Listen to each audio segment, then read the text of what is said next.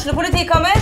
Ine Jansen er purk. Er du purk? The motherfucking bitch. Alt jeg vil, er å finne ut hva som skjedde med mannen min. Jon Carew. Er jeg sikta for noe? Iben Akeli. Det er du. Ole So, Lars Berrum og Big Daddy Karsten. Hvem sin side er du på, egentlig? Anette Hoff, Tone Danielsen, Kommer du fra Afrika? Jørnis Josef, Nesten. Kløfta. Trond Espen Seim, Det er synd å si det, men det var feil mann som døde. Purk. Premiere tirsdag på TV2 Play.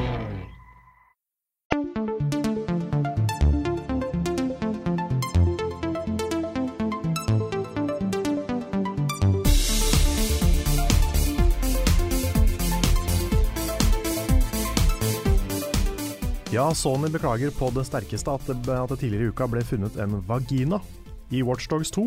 Og de lover at fra nå av så skal alle kroppsdeler være trygt parterte og dekka av blod. Velkommen, alle sammen, til en ny episode av Level Backup med mitt navn, Karl Martin Oksnes. Var ikke det en fin setning? Med mitt navn. Med Karl mitt navn. Jeg heter Navn. Og med meg har jeg navn og navn. Rune Fjell Olsen og Lars Håkon Stormbakken. Jeg er litt uh, dårlig i stemmen i dag. Mm. Våkna og var litt sånn småforkjøla, så jeg håper ikke det, det utvikler seg. Foreløpig så er det silkemykt som vanlig, Karl. Ja, takk, takk. Mm. Det, det blir sikkert uh, superdigg å høre på etter en uh, par timer med prat. Ja. Airgas. Så er det jo morsomt at du starter å klage. Du er jo definitivt ikke dårligst stilt av oss. Nei, det er jeg ikke. Men jeg Vi trenger ikke å kanskje gå i detalj på, på det, Lars, men Nei eh, du har det ikke så bra i dag. Nei, jeg er ikke i form, ass. Nei. Det er uh, For å legge det Hva skal jeg si tid rett ut. Ja. Det denne podkasten mangler, er en lege, faktisk. En som kan sitte og bare diagnosere symptomer og Ja. Jeg og tror vi må bytte på. Så Annenhver uke så har vi Frida som kan google ting for oss. Ja. Og den andre, den andre annenhver uka så har vi da en lege. Ja, det høres ut som en Så god kan plan. han sitte og liksom mate oss med medisin og fortelle Mm. hva som er feil med oss. Dr. Strange. Dr. Strange. Ja. Dr. Snodig, som vi fattet at vi skulle, skulle hete. Ja, det er fantastisk. Bra norsk navn, da. Mm, det var jo kjempenavn. Ja. Men hva, Ja, den dokk-reklamen var jeg tenkte på. Bare 'We need a dock in here'. Så Ja. er det selvfølgelig bare gi han en dock, liksom. Den um, Hvis jeg Ja. hadde fått en femmer for hver gang jeg opplevde det der på et fly, altså. Må bare, vi må ha en dokk. Ja. Mm. Og da kommer jeg med dokken min og bare ja. Her. Ordner opp. Da hadde jeg hatt fem kroner, da, eller? eller? Da hadde jeg hatt Jeg hadde, jeg hadde ikke hatt så mye penger. Da hadde ikke hatt noe? Nei, Jeg tror ikke jeg hadde fått noe penger. Nei. Jeg har sett det på film, altså. Det må være sant. Ja. Mm. Sånn kan det gå.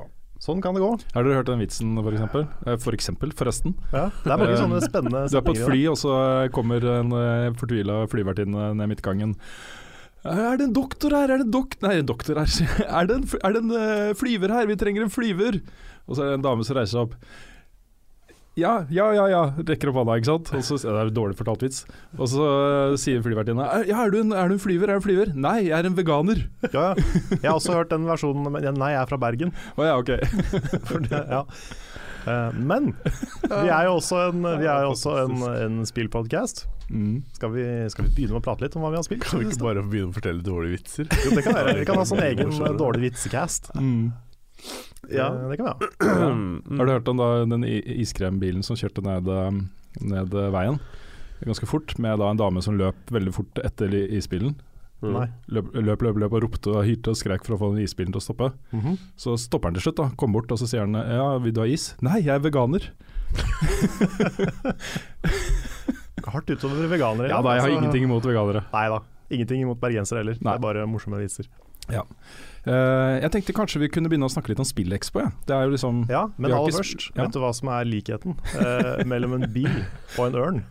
Nei. Ørn, ørn. Og jeg håper ikke det blir morsommere da. Så Nei, det, hvis det blir høyere nivå på vitsene nå, så er det bare å Ja. gi oss. Mm.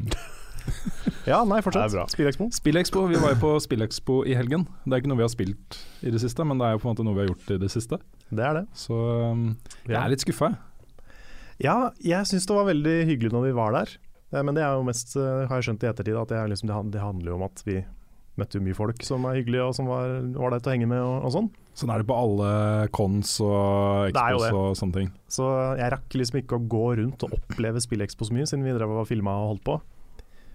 Så jeg fikk ikke sett det fullt så mye fra utsiden kanskje, som det de som var bare som, som gjester eh, som var der. Men eh, jeg, jeg er enig i det når folk sier det, at det liksom Jeg så på community-gruppa, og så var folk ganske sånn lunkne. Mm. Og jeg skjønner hvorfor. Det var ikke så mye opplegg. Og det var, liksom, det var mye youtubere. Det var mye Det var bra e-sportopplegg, da. Men uh, Altså, det må jeg få sagt, for e-sportopplegget var kjempebra.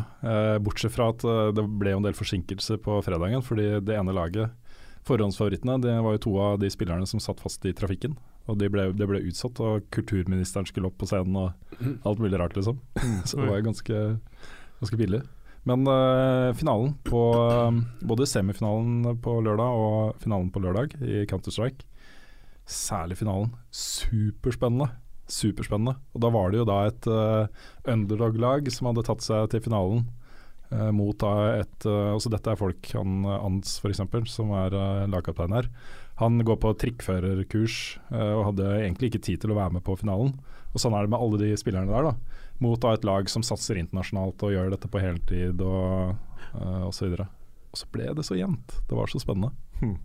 Så det syns jeg var kult. Det ja, det jeg. kult. Men ellers så var det litt glissent, på en måte. Også det var ikke eh, det var ikke nok nye, freshe ting som, eh, som representerer spillmediet i 2016. Eh, det var veldig likt sånn som det har vært før, egentlig. Kjempeflott med indie-stand, den var bedre enn noen gang i år. Eh, masse bra spill. Eh, veldig bra på retro. Eh, men utover det ikke sånn voldsomt mye. Altså. Veldig fokus på kanskje youtubere som skulle signere ting og Mm. Ja, jeg savna, jeg savna demoer fra spill som ikke har kommet ut ennå, f.eks. mm. Sånn som i fjor så spilte jo Svendsen og Kristine og jeg Dark Souls 3 før de hadde kommet ut. Det var jo på Xbox-standen. Mm. Xbox var vel ikke der i år? I det hele tatt, var det det? Jeg tror ikke det. Det var noe Microsoft-greier, men det var ikke Xbox. Mm. Og eh, Sony var der, men det var nesten bare VR, vel, som var spillbart. Og så var det en sånn liten Nintendo-krok. Mm. Men det var litt stusslig på akkurat det. Ja, det var det. Jeg vet ikke helt hva de skal gjøre for å få det bedre heller, men uh, det er noe med Jeg tror det er noe med liksom Jeg vet ikke, kanskje det har mista litt nyhetens interesse. Folk er ikke så gira på, på å bli, være en del av det lenger. Jeg vet ikke. Nei, jeg vet ikke. Men samtidig da, så er det sånn Jeg får jo spørsmål på YouTube-kanalen min f.eks. i desember om jeg skal på Spillekspo Ja år. Så det er jo en sånn ting som folk går og tenker på. Da. Det er viktig for folk, men jeg tror det var mange som gikk derfra i år med en følelse av at øh, det kanskje ikke var så nødvendig at de var der i år. Mm. Det, det er skummelt for en sånn messe. For den, den må på en måte videreutvikle seg og eh, forandre seg og tilpasse seg og bli bedre fra år til år. Hadde ikke de masse planer? Hva skjedde med de planene? Det vet jeg ikke. Nei. Det har jeg ikke spurt dem om. Nei. Så, men eh, jeg har vel en mistanke om at, eh, at uh, hvis du skal få inn de tingene vi etterlyser litt, da, er litt den der E3-filen med masse svære, store kommende spill og litt sånn hype, Mm. så er ikke de store publisherne, som jo i større og større grad blir styrt fra utlandet, det er ikke så mange norske avdelinger igjen som styrer egne budsjetter for den type ting, da. Uh, at ikke det anses som viktig nok. Mm. Um, kanskje det er noe med timingen. Jeg lurer på om det kanskje var en spillmesse i Sverige for ikke så lenge siden. Kanskje Var det det? Ja, eh, det, sånn var det i fjor i hvert fall. For da var det et rigg som var på en spillmesse i Sverige som bare ble kjørt til Spillekspo. Ja, okay. Um, kanskje det er et eller annet der, jeg vet ikke. Ja, mulig. Men jeg håper, de, jeg håper de tar dette som liksom konstruktivt, og at de eh, For de har fått masse negative tilbakemeldinger nå. Folk er ganske fornøyd, da, men eh, jeg føler vel kanskje at det har vært bedre før, eller at det ikke har vært så bra som det burde ha vært. Eh, at de tar det som konstruktivt eh, tilbakemelding, og så blir bedre neste år. Mm. Lager et skikkelig fett opplegg. Mm. Det hadde vært kult. Jeg må bare nevne én ting som jeg egentlig tenkte å spare til spørsmål og svar-spalten. Men eh, eh, et av de, morsomste høydepunktene for vår del var jo eh, eh, illustrert av dette spørsmålet her, som har kommet fra eh, Magnus, Magnus Eide Sandstad. Eh, vi la ut en reportasje fra, eh, fra Spillekspo, hvor vi bl.a. intervjua en del eh, folk som følger oss eh, i community og sånne ting. Stemmer. Og spørsmålet er eh, på en skala fra null til holy shit, hvor tight syns dere T-skjorten til Trond Sinfor var? Det var ganske tight. Ja, den var ganske tight. Det var ganske sånn Det uh, var litt nipple alert. Det er litt nipple alert. Ja. Men det er kledelig, det? er ikke det? Ja da, han litt så sånn, fresh eh, ut. Litt sånn toit fit. Er ikke det litt in å være litt sånn eh, Jeg vet ikke. Eh, det kan enten være fordi, fordi det er inn, han så bra ut liksom i det. Mm. Men det kan også være fordi, sånn som Jeg, jeg hadde jo før, nå har jeg jo gitt det bort til uh, Fretex. Men T-skjorter som ville sett sånn ut på meg også nå. Uh, at det kanskje bare man ikke helt hodet er med på eksisterende kroppsfasong, og bare tar på seg det man alltid har tatt på seg, og så Jeg vet ikke. Nei, det er ikke mange flere hamburgere til før sånne ting kan bli veldig ufresh, da, tenker jeg. Men eh, Så pass deg, Trond. eh, Tre-fire måneder til med hamburger og digg nå, så bør du kanskje Nei, Jeg syns han holder seg bra. Ja, han holder seg bra. det, er, uh, det er fortsatt safe å gå sånn. Altså. Ja det, det er level up approves. Yes. Um, jeg kan jo nevne Jeg nevnte det i reportasjen med kulturministeren. Eh, Du nevnte kulturministeren, men Ja. Nei, fordi, eh, fordi jeg var jo konferansierer på eh, Telenor-ligaen, CSGO-semifinalen og finalen. Og kulturministeren skulle jo åpne ballet. Og det var jo sånn, jeg, hadde jo ikke vært, jeg var ikke forberedt på at jeg også var en slags programleder for dette, for det ble jo sendt på TV2 Sumo. Jeg trodde jeg skulle på en måte komme inn og intervjue noen deltakere og bare gjøre det, liksom. Men så skulle jeg ønske velkommen og alt det der også. og så skulle jeg introdusere kulturministeren. Og jeg gjorde det da kameraene gikk. ikke sant? Det gikk live på TV2 Sumo og masse folk i salen og sånt. Og så sier jeg, uh, for å starte ballet, setter jeg over til eh, kulturminister Linda Hofstad Helleland. Og så ser jeg bort på henne og liksom tar hendene ut og sånt, og hun står og prater med rådgiverne sine. og har ikke fått med seg at jeg showet er i gang, da. Oi. Og det, jeg ser meg rundt, og det er ingen som er på vei bort til henne for å liksom fortelle henne at hun skal opp på scenen og sånt. Så jeg må gå, jeg. Hele lange veien ned hele scenen for å hente henne opp på scenen. da følte jeg meg uproff, altså. Det var, det, var, det var vel ikke din skyld? det var ikke min skyld, men, øh, men øh, ja. Det var sånn, Hadde jeg vært litt mer scenevant på den type produksjoner, så hadde jeg kunnet tulla det litt mer bort. da Snakka på vei bort Ja. til og fra, men i hodet mitt så den skjøtta ned hodet mitt ikke sant Ja. når det skjedde. Så jeg, da gikk jeg bare og henta henne. Men det er vanskelig når du liksom allerede har sagt 'da ønsker vi velkommen til'. så, men forresten, Sånn, så skal jeg prate litt tull, og det blir sånn Du må på en måte gjøre det før du sier det siste. Mm. Jeg kunne jo sagt noe sånn som ja, jeg ser at hun er opptatt med å diskutere kamptaktikker øh, med øh, e-sportfolk her. Vi får øh, ta en tur bort og hente henne. Ja, det er sånn, det kan du det kunne vært litt sånn, ikke sant? ja, Ja. ja, det er morsomt. Eller bedt publikum å rope på henne, det hadde vært kjempemorsomt. Ja. Én, to, tre Linda! ja. Det er sånn som, ja, sånn som kidsa ropte i, ja, i barnehagen og på skolen, i teater og sånt. kan, man, kan ikke rope på nissen eller på liksom trollet skal komme fram, og så bare mm. Det er litt sånn Men Ikke at Telenor-liga jeg sammenligner henne med Ja, det, altså, men ja. Men Telenor-ligafinalene var uh, vellykka generelt også. Kul produksjon og kul, uh, kult opplegg. Mm. Uh, og man fikk virkelig inntrykk av hvor spennende dette kan være. Da. Ja. Så eh, jeg føler jo at det var et bra opplegg for dem. Så ut som du greier deg ganske greit, da. Jeg syns det var bra. Ja, takk, takk. takk. Så fikk litt penger for det. Ja. Ja, Til firmaet. fint. Ja. Ja. Så kom jo Frida på besøk, det er alltid hyggelig. Superhyggelig.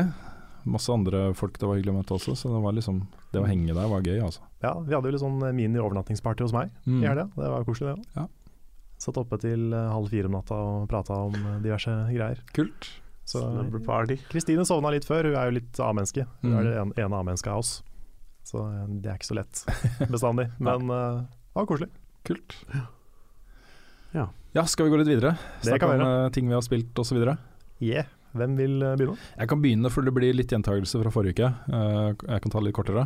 Ok, Eh, men jeg fortsetter å spille Dishonored 2, eh, og det er Jeg syns det er litt vanskelig å anmelde, fordi, eh, fordi jeg føler så sterkt på kroppen at eh, når jeg får nok tid med dette spillet, så er det en ti av ti for meg. Mm. Eh, alle, alt tyder på at det egentlig er det. Fordi som jeg nevnte forrige uke også, så er det ingen, det er ingen hendelser i det spillet som får meg til å føle at utviklerne har gjort noe gærent. At det er min egen kompetanse i spillet som er avgjørende. Um, men min opplevelse av spillet akkurat nå er ikke ti av ti, liksom. Hvor skal jeg sette grensa for det? Hva, hvor mye skal jeg anta? Og så videre. Så Mm. det er et vanskelig spill å anmelde, og det kan hende at jeg gjør det samme som jeg gjorde sist. At jeg eh, gir det en sjanse til etter å ha anmeldt det. Eh, Litt sånn som jeg, No Man's Sky også. Jeg syns det spillet i hvert fall fortjener eh, skikkelig, skikkelig testing. Mm. For det er så bra, og det er så mye bra der, at uh, ja. Det må testes grundig. Ja. Og ellers så er det jo mye møte på meg denne uka her. Heldagsting eh, på onsdag, og jeg har vært på møte i dag og skal på møter i morgen. Og Sånn, så det er litt vanskelig å få tid til alt. Mm. Ja. Hva har jeg spilt, da? Uh, jeg har spilt uh, i hovedsak Modern Warfare og Call of Duty uh, Infant Warfare til anmeldelse. Eh, Modern Warfare-anmeldelse kommer. Utover det så har jeg mm, Det er ikke så veldig mye mer å si om det, føler jeg akkurat nå. Men eh, utover det så har jeg spilt et um, mobilspill som heter The Trail. Og det er laget av 22 eller 22 Cans, som er da oh ja, stemmer det. Det er det spillet, da. Så um, For det er det mange som har sagt bare liksom ah, 'Sjekk ut det spillet og prøv det' og sånn. Og det har jeg, må jeg innrømme at jeg har blitt litt hekta på. Foreløpig så er jeg litt sånn Jeg er litt i tvil om hvorvidt jeg skal putte det i noe anbefalt spalte eller ikke. Fordi at det er, eh, det er pågående mye sånn der eh, Hei, skal ikke kjøpe sånne favors, da. Sånn du, det er på en måte ting du kan eh, Sånne hestesko du kan kjøpe, som du kan bruke som en uh, credit, eller ja, i spillet, for å kjøpe ting. Uh, men det som skjer veldig ofte, er at når du skal Når du har gjort en trade eller sånne ting, så Eller mens du går på trailen, så kommer det en sånn dame som bare Hei, sjekk ut dette. Hvis du ser en ad, så kan du få en, få en gave.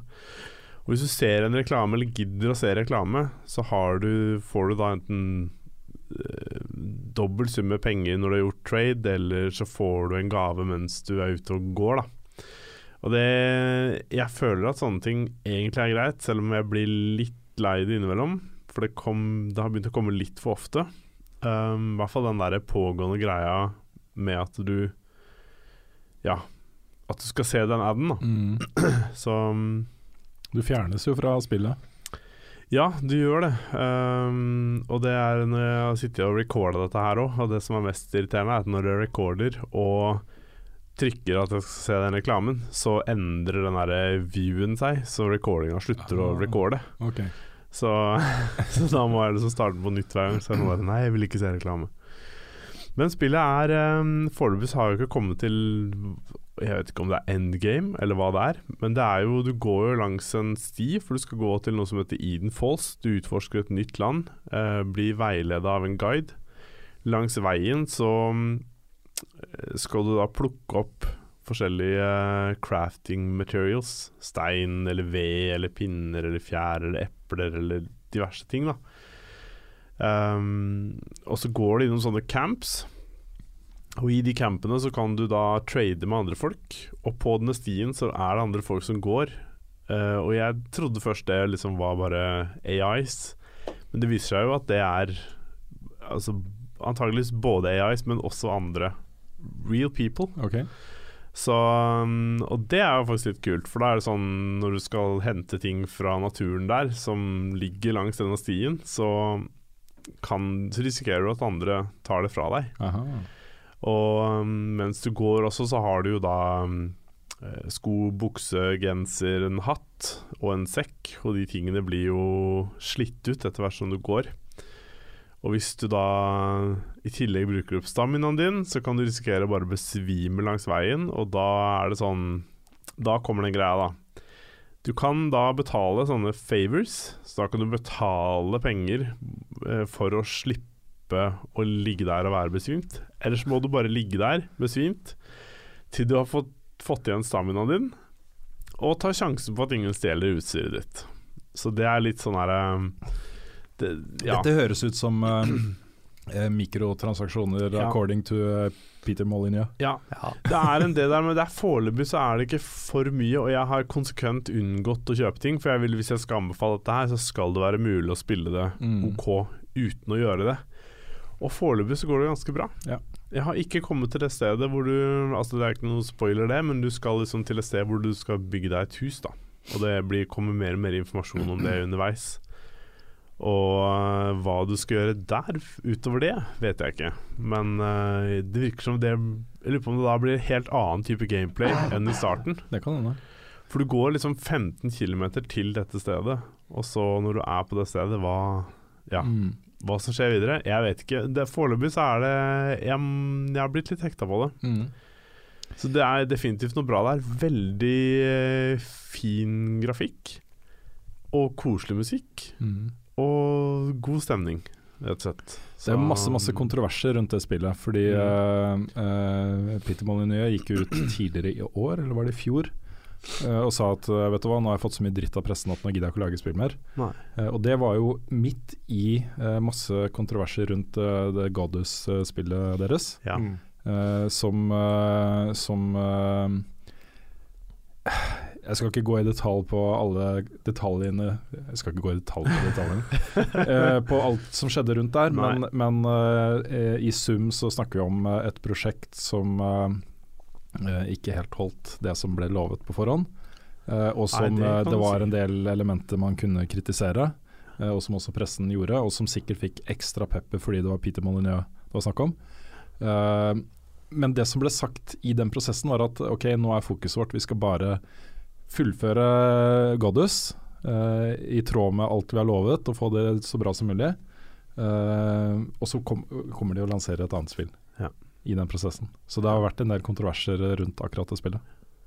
Ja, for jeg har jo spilt Goddess, og det var det veldig sånn bra potensialet. Og jeg Mm. fikk sånn følelse av at du uh, Hva heter dette? Black and white. Mm. Uh, litt det de gamle gudespillene, på en måte er det i hvert fall eneste gudespillet jeg har spilt. Um, jeg fikk en feeling til det og trodde at det skulle være skikkelig kult. Men så viser det at det har kommet et annet spill i etterkant som heter Eden. Som gjør mye av det samme som Gades, bare mye bedre. Også sånn mikrotransaksjonsspill, men uh, der har jeg kommet langt der også uten å betale noen ting. Så Mm. Ja. Så det er litt morsomt at eh, Peter Molyneux eh, har den personligheten han har, og bare nesten lager gudespill. Mm. ja. Det er litt sånn, eh, sånn artig Ja. Ja.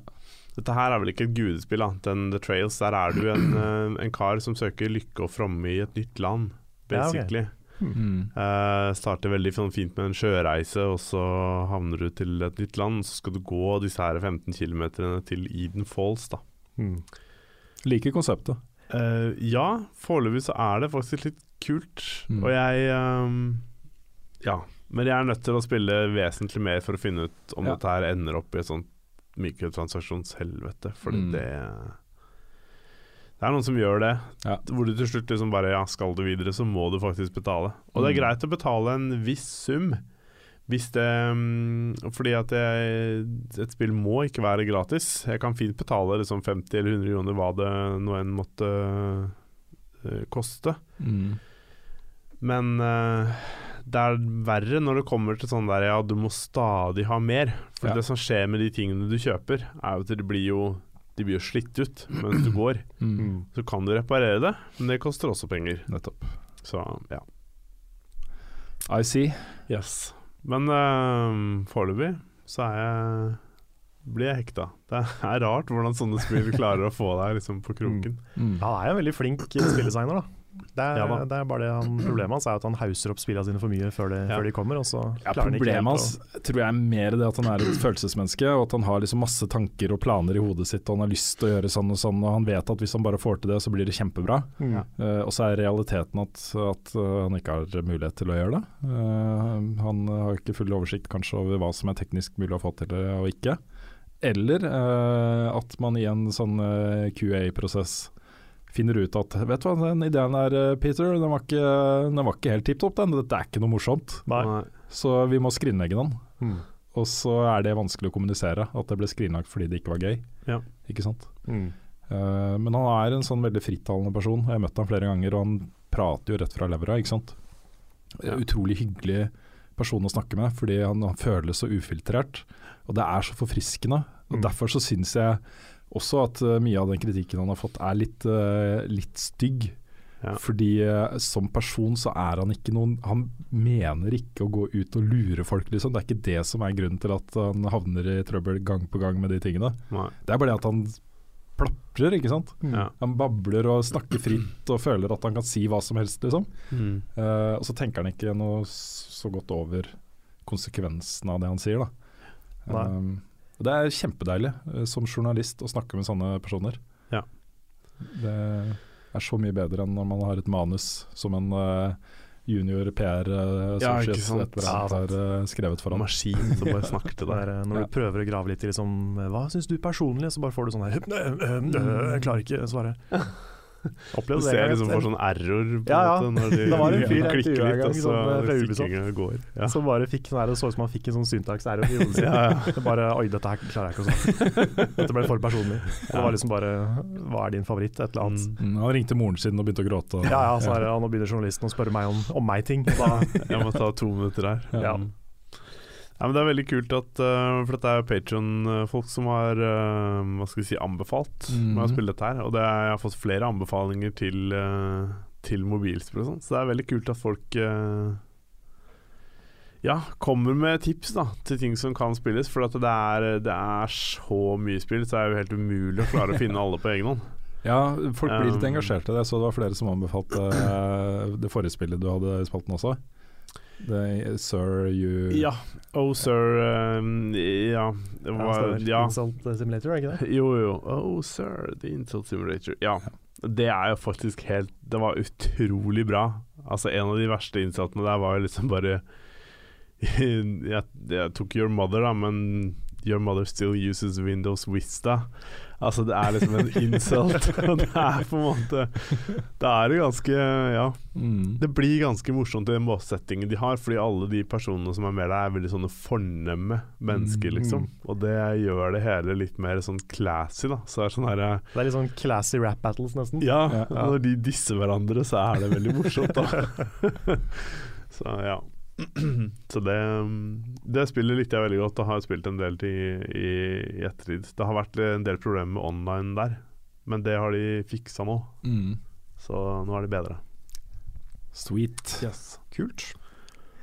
Ja, eh, jeg, har, jeg har spilt noe nytt. Jeg har også eh, fortsatt min eh, evige reise for å prøve å få Pokémon Sun og Moon tidlig. Eh, Ja. Det ser ikke superlyst ut, men eh, det er mulig jeg klarer å få til noe rett før norsk lansering. Og jeg skal ikke, ikke gjøre noe ulovlig, ikke laste ned noe leaks eller noe sånt, men uh, Jeg så Nintendo har gått ut nå og banna folk. som Ja, det er det også. klakka versjoner av det spillet her. det var noen som uh, kom seg inn på noen server, var det ikke det? Og Ja. henta ut en rom eller noe sånt. Ja, det er faktisk det. Jeg tror det var det som skjedde. Ja. Så det er ganske dramatisk. Ja, hvis, du Før lansering. ja, hvis du spiller den versjonen, så, så har du nå ikke lenger tilgang til eh, online. Nei, På 3DS. sannsynligvis ikke. Da, da blir du band. Uh, så den, den skal jeg ikke spille. Jeg skal ikke, skal ikke synke dit. Men, uh, men den, uh, det er jo lansering diverse steder i verden eh, nå i morgen. I dag, når podkasten kommer ut. Den 18. Og eh, jeg skal se om det er mulig å få til noen sånne regionsgreier Mm. der. Sånn at jeg kanskje får tak i det litt tidlig. Ja. Så eh, hvis det er mulig, så, så får jeg til det. Jeg ser du får veldig gode anmeldelser de stedene som det er anmeldt. Det er Ja. tydelig at det er et spill som treffer ganske godt, noen i hvert fall. Mm. Det er, eh, det, det er så teit at for USA får jo anmelderkoder. Mm. Vi får ikke det. Nei. Jeg tror hele Europa er blitt eh, låst ut av eh, review copies før lansering. Alt dette kan vi skylde på Erik Fossum. Alt. Ja, ja. Det er bare. Det er bare Erik Fossum eh, sin skyld. Okay. Det verste er at det kan hende at det er litt sant også. jeg overdriver selvfølgelig, men eh, eh, det er jo en uh, gammel historie der hvor han uh, posta et eller annet fra Uh, fra et uh, Nintendo-spill på uh, Neogaf-forumet okay. før embargo. Eh, og det satte i gang en prosess hos Nintendo som endte med mye mye strengere krav til alle spillanmeldere i hele Europa. Oh. For det ble opp, løfta opp på høyeste nivå i Nintendo Europa og Wow. ble en sånn kjempegreie. da Så takk skal du ha, Erik Fossum. Veldig bra. Altså. Oi, oi. Det var jo ikke noe alvorlig sak i det hele tatt, egentlig. Nei, nei. Det bare sier litt om den derre uh, Jeg vet ikke, vi har jo alle litt det inntrykket at Nintendo Europa kanskje er litt eh, Litt vel stressa på de tingene. Nintendo Ja, er generelt også, hvordan de beskytter uh, innholdet sitt på YouTube og, Mm. og sånne ting. Det er, eh, det er Ja. Ja, det er, eh, det er Det er både sånn elsk og hat til Nintendo, føler jeg. Det er liksom eh, De lager spill som man kan elske, og så kan man bare hate all denne slags Hva skal jeg si selskapspolitikken de fører, da, med de greiene der. Den bare, jeg, jeg vil ikke si jeg hater den. Jeg syns den bare er litt sånn bakstreversk. Ja. Mm. Også den gagner verken Nintendo eller forbrukerne eller eh, kritikere av spill. Mm. Den er på en måte bare litt rar. Litt for Mm. litt sånn protective. De er for beskyttende. Ja. Jeg syns måten de håndterer YouTube på, den er jo helt på trynet. Ja, det er på trynet. Det er, den, den er jeg ganske sur på, kjenner jeg. Mm. Fordi der skal de ha Der skal de jo tjene penger på våre spillanmeldelser, liksom. Og det er jo ikke innafor i det hele tatt. Nei. Så, så der, den, er, den kan de gjerne Der kan de ta seg en bolle. Men uh, jeg er veldig glad i Nintendo-spill. Ja da, og det, det, sånn er det jo med alle publishere, liksom. Man kan uh, mislike praksisen deres, Mm. uh, men det, det betyr jo ikke noe kulturelt sett. Nei. Så er det jo spillene de, de faktisk pusher som betyr noe. Mm, Så, og det er jo definitivt tilfellet med Nintendo også. det er det. Eh, men jeg har også spilt en annen spill som, som heter Silence. Begynt på det. Jeg har ikke kommet så langt ennå, men jeg har, eh, jeg har begynt på det. Og det er uh, visstnok oppfølgeren til et spill eh, som kom i 2009, tror jeg. Som heter The Whispered World. som er tysk, og handler om en sånn Det første spillet handler om en klovn, tror jeg. Som heter Sadwick. En trist klovn som havner i en fantasiverden. Og dette her handler om et søskenpar, da. Og det begynner veldig veldig sånn mørkt og trist med at det er krig, og de blir bomba i byen og diverse ting. Og eh, så eh, løper de inn på et sånt eh, bombeshelter, da. Og derfra så kommer de tilbake til den fantasiverdenen som heter Silence. Og jeg har ikke spilt det første spillet. Jeg merker at det er en fordel å ha gjort det, for det er en del referanser i starten. Men eh, jeg tror ikke det er krise, så jeg har bare fortsatt. Og så langt så er det utrolig pent. Veldig dårlig voice acting. Uh, men alt det andre er liksom produksjonskvaliteten og stilen på det er bare helt nydelig. Og du kan se for deg at det er litt sånn Telltale møter gamle point and click eh. Med litt mer puzzles enn det er i Telltale-spilla, men med en sånn veldig koselig og kanskje litt trist uh, fantasy-historie. Mm. Så jeg har ikke spilt det lenge nok til å ha en sånn veldig sterk mening om det, men eh, det ser ut som det kommer til å bli noe jeg kommer til å anbefale. Mm. Så, eh, så langt er jeg veldig, veldig gira på det. Kult. Jeg skal finne et um, Ja, jeg fant det. Uh, apropos voice acting. Mm -hmm. uh, Jeg tar et spørsmål uh, fra Marius Bang på Facebook. Hva synes dere om Conan O'Briens Clueless Gamer? Tror dere den negative feedbacken han ga til Final Fantasy 15 påvirker salget, eller er publikum modne nok til å forstå at Conan er en komiker som ikke har satt seg nok inn i spillet og spillserien til å kunne dømme det? Har dere sett, har dere sett den Jeg, sekvensen? så, jeg så videoen. Og For det første så var han jo innmari morsom, Ja. og for det andre så tror jeg han har et poeng, fordi det spillet virka så dumt og dølt. Nei, men det er fordi du ikke har spilt Final Fantasy, Rune. Jo, kanskje, men, eh, men allikevel, den voice-actinga og, og sånt, det er jo ikke bra. Nei, altså det, det er det jeg er bekymra for. Dialogen og voice-actinga syns jeg var helt håpløs. Det er den delen jeg er bekymra for i det Ja. spillet. For det har ikke vært bra på en del spill nå. mm. Jeg syns det var eh, Det var veldig bra i mange år, men eh, Final Fantasy 13-serien f.eks. har en del dårlig dialog. Ja. Um, det nye World of Final Fantasy sliter med det. Mm. Så jeg er litt redd for det. Ja. At dialogen kommer til å være ræva. Mm. Men uh, Men poenget mitt var egentlig bare å svare på spørsmålet uh, ærlig og oppriktig. Uh, og mitt, mitt inntrykk etter å ha sett den, var at dette er ikke spill Altså Jeg er ikke noe superglad i Final Fantasy-serien fra før, men jeg tenker at dette spillet kan jeg godt hoppe over. Men jeg tror, det- også, jeg tror ikke det påvirker de som allerede er glad i Final Fantasy, men kanskje det, kanskje det kan skape et inntrykk av spillet som ja, kanskje. Jeg, jeg vet ikke. Jeg så jo på eh, Det var jeg så en sånn Final Fantasy Facebook-gruppe som hadde posta linken til det innslaget. Og der var det jo veldig 50-50. Noen syntes det var morsomt, og noen ble sinna. Jeg tror altså Jeg ser for meg Mitt inntrykk er at han driter på alle spill, nesten. Det er jo litt av greia til spalten. Ja, Og så Han kan ikke sitte der og bare være positiv, liksom. Det er mye morsommere hvis uh, han ikke helt forstår det, eller hvis Mm. han ikke helt er med. Ja, ja han slakta jo Minecraft, f.eks. så det er jo Jeg har ikke tatt noen skade av det. Så jeg, jeg vet ikke Jeg vet ikke hvor alvorlig folk tar liksom Conan som spillkritiker. Det, men altså Nå satt jo Elijah, Elijah Wood der også, han er jo supergamer. Ja. Han er jo veldig inne i game, games. Og han, eh, han er jo også en JRPG-entusiast, han har spilt mye av det før. Mm. Han tvitrer jo masse om spill, og han er på spillevents og gjør masse greier der, liksom. ja. Mm. Han var ikke så positiv, han heller.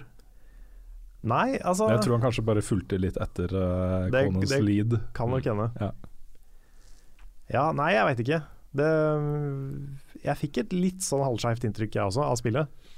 Men uh, det er ikke liksom nok til å komme med noe Nei.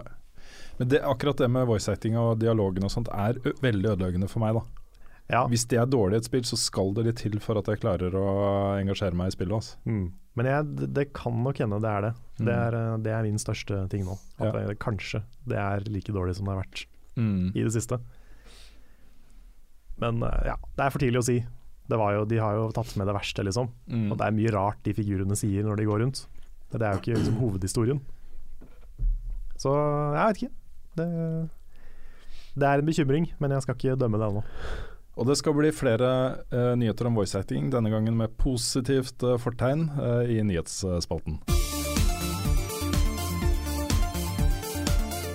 Nyhetsspalten. Ja, jeg nevnte jo voice acting, og det kommer jo to nyheter om Persona 5 eh, denne uka her. Den e- ene er at den ble, det ble utsatt til eh, 4. april. Igjen. Ja, Ja, jeg husker Men det spillet grunnen- skulle komme ut i år, jeg. ja, ikke sant. Men grunnen til at det ble utsatt, er at de nå legger til det japanske voice-tracket eh, i spillet. Ja, riktig. Så det er en veldig positiv ting. Det er jo Mm. kjempebra. Uh, jeg opplever ofte at japanske spill blir bedre når de er på originalspråket. Ja da. Teksta. Mm. Men uh, Persona-serien har faktisk ganske bra dubbing også, Ja, ok. så det er, det er en veldig fordel for mange. Men Mm. det, er, det, det er ikke ødeleggende å spille det på engelsk nødvendigvis. Nei, nettopp. De er veldig trofaste mot originaloversettelsen Mm. og sånn. Ok. Ja. Ja, Det var egentlig bare det jeg tenkte å si. Ja. Det kom en ny trailer med noen nye game-mekanikker og litt sånne ting. Jeg vet ikke om du har sett den, Karl? Eh, hvis det har kommet en helt ny, så har jeg ikke sett den. Den kom i går, tror jeg. Ja, ok, ja, da har jeg ikke sett den. Men uh, jeg er hyped. Greit. Um, flere, flere utsettelser. Uh, Zelda Breath of the Wild misser Switch-launchen. Det ser Mm. sånn ut. Er det bekrefta, eller er det rykte? Uh, jeg tror det var mer eller mindre bekrefta. Ok. ja, eller jeg vet ikke om det, Jeg tror ikke Nintendo har sagt det. Nei, Det er mange, mange uavhengige kilder som har eh, sagt det samme nå. At, uh, at det ser ut som det kommer et nytt Mario-spill til launch, uh, men at Zelda blir flytta til sommeren. Mm. Hvor eh, ødeleggende er det for Switch-lanseringen? Hvis det kommer et Mario-spill, og hvis det er et 3D-Mario-spill, og ikke liksom New Super Mario Bros. U, som var på Wii U, så tror jeg ikke det er verdens undergang. Hvis det er liksom et uh, Mario Galaxy-type spill, Ikke sant? så da er det innafor. Ja, det føler jeg også. Og hvis det i tillegg uh, Det som den første traileren til Switch hinta om, er jo at de kommer til å hente tilbake uh, litt sånn tidligere Nintendo-suksesser, Mm. som Splatoon og sånne ting. Hvis alt dette kommer som launch-titler, at det er et, et bibliotek av allerede tried and tested spill som er bra, som folk liker, og som de ser fordelen av å ha på Switch, Mm. så, og, og i tillegg et dritbra Mario-spill og kanskje et par andre Nintendo-spill, Mm. så er det en god launch, Ja da, vil jeg si. da I hvert fall sånn på papiret. det er det. Det var jo ikke Hva var det som kom til Wii U på lanseringa? Det var jo Zombie U til Ubisoft. Ja, stemmer. Og så var det New Super Mario Bros. U og Nintendo Land. Stemmer. Det var vel de tre som var de største. Så var det noen sånne tredjeparts uh, Mm. Litt sånn seine Batman og Mass Effect. Det var ikke en awesome eh, lansering, Nei. men uh, den var OK. Mm. Men det er vel ingen av de store Jeg føler ingen av de store konsollene har hatt sånn kjempelansering de, siden de kom. Altså Det har jo vært en, uh, bra lansering på andre måter, men sånn spillmessig så har jo både PlayStation og Xbox One har jo henta seg kraftig inn i forhold til hva det var når det kom. Mm. Ja, så Det store avregninga som uh, konsollprodusentene tar der, er jo uh, Her har de et spill som de har brukt utrolig mye penger på å lage uh, over mange år. En kjempesatsing for dem. Skal de gi det ut til lansering uh, i en periode hvor det kanskje selges bare noen få millioner konsoller? Eller skal de gi det ut en periode etter hvor det allerede er en installed base på si 15 millioner eller 20 millioner som kan gå ut og kjøpe spillet deres? Mm. Ja. Så det er jo en veldig sånn økonomisk ting, da. Mm. Uh, selv om jeg tror utsettelsen til Zelda ikke har noe med det å gjøre. For det er et sånn type spill som fortsetter å selge hver gang noen kjøper seg en ny konsoll, så kjøper de Zelda også, ikke sant. Mm. Uh, Ja, men det er litt typisk Nintendo generelt, egentlig. Mm. Sånn som eh, Mario Galaxy og sånn også. Det, det er jo alltid i butikken. Ja. Det forsvinner aldri fra Nei, det gjør ikke det. Så det er noe med de, de første førsteparts Nintendo-seriene. Mm. De bare henger igjen. Ja. Hvis du ser tilbake også, sånn som du nevnte med PlayStation-lanseringene. Eh, Sånn PlayStation 2 for eksempel. Kuleste spillet til den lanseringa var SSX, Mm. som ikke er det beste spillet i den serien engang. Um, og så har du jo den evige diskusjonen om hvem som har hatt den beste uh, launch-tittelen. Det står jo mellom Super Mario 64 og Halo på Xbox 1. Ja. Ja. Det er en veldig sånn skarp diskusjon. Der er jeg Team Mario, kjenner jeg. Men, eh, men ja, det er meg. Jeg syns begge de to spillene er fantastiske. Altså, Mm. det er så Ja. soleklart. Men jeg tenker sånn der, hvor mye Mario 64 revolusjonerte da det kom, da. Ja, men Halo hadde veldig mange uh, sånn minirevolusjoner for FPS på konsoll også. Ja, det, det, det Mm. hadde jo. Eh, Det var jo de som introduserte den der autogenererende health og shield. At du bare måtte holde deg unna kamp en stund, f.eks. De Mm. hadde masse sånne små innovasjoner som gjorde FPS på konsoll mye mye bedre. Mm. Det var viktig og stort eh, spill, altså. Mm. Det, er, det er sant, det. Mm. Men samtidig så er det der, den der, Så er det Bungie, da! Ja, ja, ja. Men altså, når jeg, det første gang jeg så Mario 64 i butikken, liksom, Ja. det var jo det var som å se inn i en uh, drøm. Ja da. Og så Hvis jeg måtte velge en av de som den viktigste, Ja, så er det hårfint uh, Super Mario 64 for meg. jeg Altså. føler, føler det, altså. Ja. Et viktigere spill historisk sett. Mm. Det var en ny dimensjon av gaming, liksom. Ja ja, de revolusjonerte jo 3D-spill. Mm. Selv om det ikke var det første 3D-spillet, så var det jo eh, det, kanskje det første som viste uh, at dette er noe, folkens. Mm. Det, er, det kan være bedre enn 2D hvis det gjøres riktig. Ja. ja, det er litt sånn som den, den wow-følelsen du får når du tar på deg et VR-headset, bare ganger ti, da. Mm. Det første 3D-spillet jeg så, liksom, Ja. som funka på den måten. Mm. Det var eh, amazing. Også en veldig interessant sak. Jeg, jeg følger jo litt med, med et halvt øye eh, på no, eh, noe som heter Digital Foundry, som er en, eh, en underarm av Eurogamer. De gjør tech-tester av spill, eh, rett og slett, med eh, veldig litt sånn tørre, men godt forklarende videoer og sånt, hvor de tester sånne ting som ikke er så veldig opptatt av egentlig. Også sånn nyanser i hvor pene bladene ser ut på trærne på den ene innstillingen kontra den andre, og på ene plattformen kontra den andre og sånne ting. da. Ok, Så det blir veldig sånn nitpicking som jeg ikke syns ofte er så viktig. Men de har gjort en test av eh, Battlefield 1 på PS4 kontra PS4 Pro. Og funnet ut at uh, når det gjelder framerate issues og hvor glatt ting flyter, det er ikke sånn 60 frames versus 30 frames, så er det i noen tilfeller opptil 47% bedre på PS4 Pro. Uh, og dette er da i uh, online-kamper, i sekvenser hvor du kanskje er liksom i en hektisk kamp. Eh, og hvis du har 47% bedre performance, at ting liksom flyter bedre, så får du teore teoretisk da en fordel eh, i kamp mot andre. Så jeg syns det var en interessant eh, greie. Det, det de peker på er jo at Frostbite Engine er, funker veldig veldig bra på PS4 og PS4 Pro. Eh, kanskje bedre enn andre engines akkurat nå. Men det er jo en utrolig spennende, jeg vet ikke, utvikling. Det er jo Ja. Jeg prøver å bare sånn speedgoogle litt her, fordi jeg, jeg så Ja, øh, jeg så en, øh, en sak som jeg prøver å bla opp igjen nå. Men det er noen spill som faktisk uh, hvor det er motsatt. Jeg fikk ikke helt hvem er hvilke spill det var. Jeg tror det var snakk om Skyrim. Å ja, at det kjører bedre på originalen PS4 Ja, enn på Pro. Um, det er visst noen spill som har, uh, har et problem som jeg ikke helt fått med akkurat hva grunnen er, da. men uh, hvor du ser en, en eh, eh, dårligere performance. Mm. Mm. Det er er sånn barnesykdom, tenker jeg da. Ja da, Mm. det er nok det. Det er ikke sånn som uh, du kan regne med vil vare. Der vil det komme patcher og alt mulig rart som fikser akkurat det problemet her og nå. Mm. Og så vil folk etter hvert liksom tilpasse spill. Ja. Til det. da Det tenker jeg òg. Det var egentlig det jeg skulle si. Så det var liksom Ja. Men det har, det har begynt å komme litt gode grunner til å kjøpe en Pro nå, altså. Det har det. Vi, det var jo veldig nesten vi kjøpte hver vår etter forrige Ja. podcast, var det ikke? Jo, jeg har nå fått meg en, Du har det, ja? så ja. Og det Så det er bare jeg som er sånn her billig peasant uh, PlayStation 4. Jeg merker veldig stor forskjell i VR. Ok. Mm. Og så merker jeg um, Altså, jeg innbiller meg at jeg merker det i de spillene som er oppgradert også. Og det her med at du skal kunne At du kan sette størrelsen på bildet og sånn Det Jeg veit ikke. Men det, det jeg merker det aller best på, det er flyten på he og hvor rask hele PlayStation er. Mm. For det merker du forskjell på. For det var så mye lag i de menyene til den originale PS4. Mm.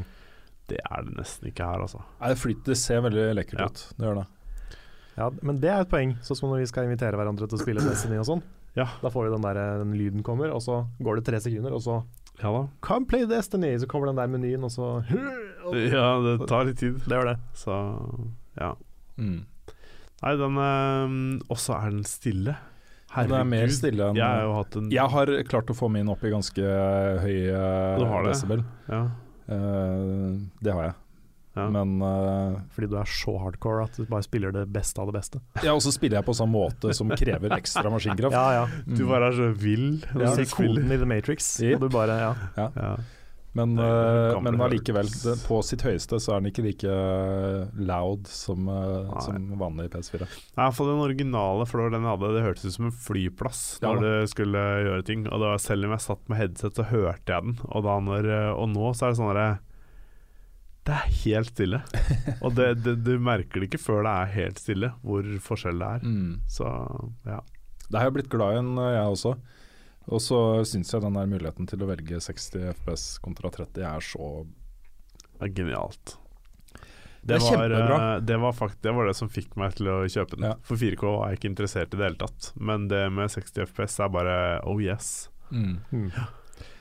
Vi, vi fikk en kommentar på Facebook i forrige podkast på om eh, Det var en som lurte på om, vi, om det var PS4 Pro vi ikke skulle snakke om. På grunn av oh ja, nei, det var det ikke. Nei, det var ikke det. Det var den andre. Det er den andre. Ja. Og det er jo litt barnslig av oss, men, uh, Men ja, du, du kan si det. Ja. Men samtidig så var det veldig dikk av uh, Ja, det var uh, utrolig dårlig gjort. Mm. Det var en sånn utrolig kjip ting de gjorde der. Mm. Det handler jo om å liksom sette vårt holdt på å si levebrød i fare Ja. for å beskytte en nyhet. Ja, og for uh, nye lyttere så handler dette da om en ny konsoll som Sony har lansert i høst, som ble lekka på nett overalt. Mm. Eh, vi eh, videreformidlet den nyheten fra lekkasjene, eh, og fikk et, det som kalles et copyright strike Mm. fra Sony Computer Entertainment på YouTube. Og um, claims får vi hele tiden. Ja, det er ikke noe dramatisk. Nei. Uh, men strikes betyr at uh, hvis du får tre av de, så skjøttes hele kanalen ned, rett og slett. Ja, da, da mister vi hele kanalen vår. Så, så det er liksom et veldig kraftig eh, grep da en, en eh, eh, copyright holder kan gjøre på YouTube. Eh, og i dette tilfellet så var det da snakk om en, en eh, nyhetssak som var fritt offentlig tilgjengelig på internett, som vi hadde videreformidla som journalister.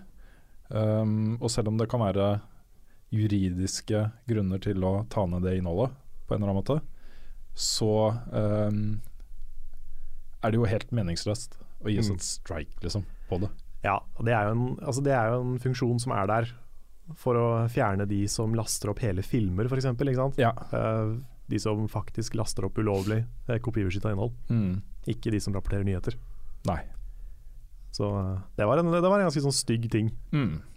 Men i praksis da, så har vi allerede rapportert den nyheten om den konsollen, Mm. eh, og da fant vi at da gjør vi ikke det igjen. Nei, det er ikke det noe vits. Det er fordi grunnen til at man gjør sånne ting, og at man går ut og aktivt uh, går etter de som rapporterer om noe som ikke er offentlig ennå, det er jo at uh, da mister du grepet om PR-greiene rundt det, ikke sant. Mm. Og da hadde jo Sony et event et par uker etterpå, hvor de skulle liksom avduke denne for første gang for hele verden og få liksom oppslag overalt. Og så gjorde de jo ikke det, fordi folk hadde jo allerede sett den. Alle visste hvordan den så ut, alle Mm. visste at den skulle komme. Mm. Det var ikke noen nyhet der lenger. Nei. Da tenker jeg at riktig måte å håndtere det på er jo bare å run with it. Bare, Slipp nyheten. Ja. Eller slipp slett. den traileren som har vært ferdigprodusert i månedsvis allerede. Eh, Slipp factsheetet, gå ut og uttale deg på PlayStation blogg. Ja, fortell en, fortell en vits om det på den PR-eventen. du Ikke har- sant? Mm. Ja. For det Ja, absolutt. Vi skulle hatt jobb i Sony. Det er det vi skulle, vi skulle vært sånne. PR-folk. ja. Det- Ja. Greit. Um, eh, flere nyheter. Eh, det norske spillet Mosaikk, som da utvikles av Krillbite, uh, Jon Cato og co. Ja, ja. Lages på rommet til Jon Cato. Eh, lages på rommet til Jon Cato. Uh, det er jo tidligere annonsert for PC, Mac og Linux. Uh, I uka som gikk så ble det også annonsa for PS4. Uh, og det er da Sony som kom med den nyheten. Det kom en sånn eh, PlayStation-logo-trailer på YouTube og sånne ting. Um, og det er jo kjempeinteressant. Er, eh, de sier jo selv at dette er pga. det forholdet de har fått til eh, Sony eh, gjennom the Sleep, eh, og at eh, de forventer seg ganske mye av den lanseringen. Mm. Jeg digger at det er så annerledes fra Magnus Sleep. Det er noe helt annet. Mm. Eh, og dette er jo et spill som jeg så på laptopen til han som er på en måte sjefsdesigneren bak, også hjernen bak dette konseptet, eh, for lenge siden. Lenge før Magnus Sleep ble eh, lansert også. Okay. Um, da satt han på et kontor her i Oslo og pusla med det. Uh, og jeg var innom for å gjøre noe annet. Men da satt han der, og så viste han meg, da. Uh, og det er jo uh, utrolig kult at når de kom da til sitt neste spill etter Magnus Sleep, så var det det de henta fram og uh, videreutvikla som et team. Uh, for det sier noe om selskapet. Det sier noe om hva, hva slags selskap de ønsker å være. At ikke de nå lager et nytt innovativt skrekkspill, men at de lager noe helt annet. Ja. Det er generelt så mye kult da, som skjer med norske indie-folka om dagen. Det er altså. Det er, det er flinke folk, og de har liksom, jeg føler de har liksom hjertet på riktig sted, da, Mm. for å si det litt cheesy. Men uh, det, er noe, det er noe med det. Ja, det er absolutt noe med det. Og øhm, akkurat når det gjelder mosaikk, så er det jo ekstra spennende, fordi det er jo et spill Alt de kommuniserer om det spillet er sånn Vi kan ikke si hva dette spillet egentlig handler om. Uh, og de teaser-trailerne som er ute, er jo bare sånn Det virker som de er laga bare for å pirre nysgjerrigheten for hva, dette, hva all verden er dette for noe, liksom. Ja. Sånn trist mann på jobb. Fisk. What does it mean? Ja.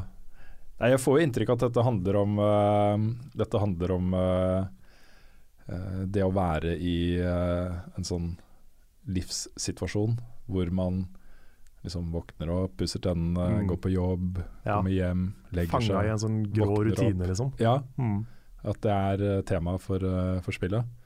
Men det er jo et eller annet sånn sci-fi-overteppe til det også, som det hintes om. Som, som jo er spennende. Mm. Det er et pek og klikk-spill. Ja. Det er alt vi vet. Uh, apropos norske spill, så ser jeg også at uh, Owlboy ligger nå på 90 av 100 på Metacritic. Det er bra, ass! Det er vel uh, sånn topp eh, fem-spill for 2016 av alle spill som har kommet ut. Mm. Eh, på score, da. Kjempegøy. Det har vel nesten toppa listene på Steam òg, tror jeg. Sånn på Ja Best Reviewed og sånne ting. Mm. Det har det. Det er, det er bra, altså. Jeg håper det liksom Jeg håper, det, jeg håper folk kjøper det, og folk spiller det. Det vet jeg jo ikke så mye om personlig, men Mm. uh, det at det er så høyt oppe at liksom folk får øya opp for det. Mm. For det fortjener den oppmerksomheten. Altså. Siste nyhetssak eh, var vi innom eh, helt i starten av denne podkasten.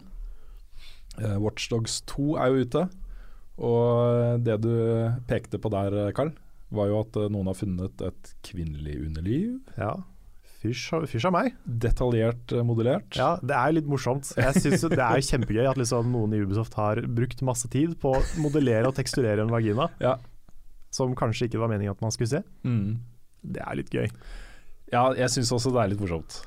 Um, du nevnte jo i går når vi snakka om det, at uh, det også fins mannlige peniser der. Ja, jeg tror du kan finne en naken dude Mm. som går rundt og tisser i Nettopp. Watchdogs 2.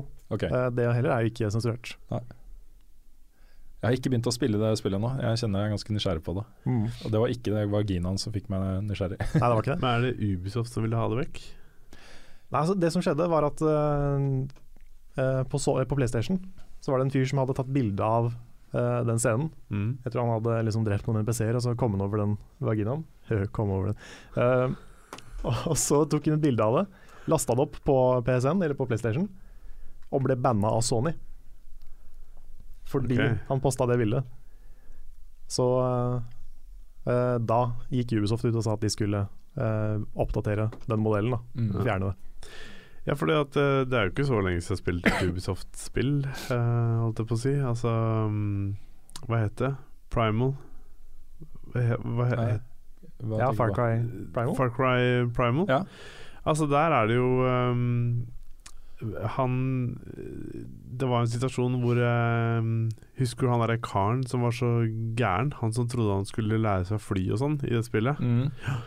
Han uh, ender jo opp med at du skal uh, Han vil at du skal Han lager sånn rustning som han liksom skal tåle alt med, så han vil at du skal spidne med spyd og sånn. Så det ender med at han blir liksom liggende der halvdød, eller hva det er egentlig som skjer. Og det skjedde han lå inntil en vegg, og da gikk jo all, alle klærne hans opp, så han satt liksom bakoverlent og skræva med beina, da. Og der var det liksom Altså, den, den penisen og alt som liksom viste seg der nå, det var ganske detaljert. Mm. Så jeg mener, altså Er det så krise, da? Jeg syns ikke det. Nei, jeg, er, jeg er litt på Team Ubisoft der. Ja. Tenker at liksom, ja ja, mennesker har kjønnsorganer. Kanskje, ja, vi, skal å, det, altså. kanskje vi skal begynne å komme over det, liksom. Mm. Nå sa jeg det igjen. Ja. Kom over. Eh, Men det er altså det, Nei. Du snakka om et annet eksempel også i går, hvor, uh, hvor nakenhet var det Duke Nukem Forever. Nei, ikke Forever, tror jeg, men et annet Duke Nukem-spill. Okay. Mulig det ikke var Duke Nukem, men jeg tror det var det. Og det ble dekka til med eh, kroppsdeler, altså Ja, sånn eh, til å begynne med så var det Jeg tror det var sånne der, eh, litt sånn udetaljerte sprites av nakne damer i sånne testtubes. mm, Eh, det måtte de sensurere, så det de bytta det ut med, det var kroppsdeler av nakne damer. Ja. Og det var greit. altså mutilerte, Ja. lemlesta kroppsdeler. wow. Det, det sier noe ass, om liksom sensursystemet i ikke Ja, bare det- USA, men også hele verden, Det egentlig. er helt sant. Hvis uh, liksom kjønnsorganer er ikke greit, men eh, innvoller, Mm. det er helt ok. Ja. Seksualitet er jo det verste du kan liksom snakke om. Det er så rart Ja, det er at det fortsatt er sånn. Ja. Det er sånn der, eh, at det skal være så mye liksom, Det er jo sånn gammel sånn skam-tankegang, tenker jeg. Mm. At det er sånn å nei, vi må skamme oss over kroppene våre, og fuff. Mm. og det, er liksom, det, det ligger noe kulturelt der som ikke er så pent. Ja, enig. Kan jeg også komme med bare en liten, uh, liten sidetrack Mhm. som jeg hadde tenkt å nevne i starten.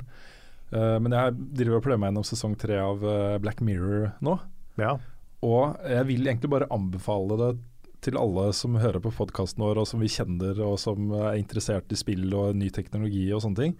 Fordi uh, alle de diskusjonene vi har hatt rundt VR f.eks., om hvilken vei vi går med VR, eh, og eh, hvor ekte ting eh, kan bli i spill før det blir liksom interessante ting å diskutere. da. De Mm. tar opp det ene temaet etter det andre som er akkurat i den gata. Uh, F.eks. hva som eh, hva som skjer da hvis uh, det blir mulig å flykte til virtuelle verdener som opplever som fullstendig ekte. Så Det er sånn drodling rundt de temaene som preger vårt samfunn i dag, og som kommer til å prege samfunnet vårt i uh, årene som kommer. Mm. Superinteressant og veldig bra TV. altså. Har du begynt på Westworld, da? Nei, jeg har ikke det. Uh, den skal sånn, jeg Sånn, apropos gaming Ja. og Ja, da, jeg, jeg, liksom. jeg skal, det er neste, Mm. men vi, har, Mm. vi gjorde den store feilen å, å starte på sesong tre av The Fall.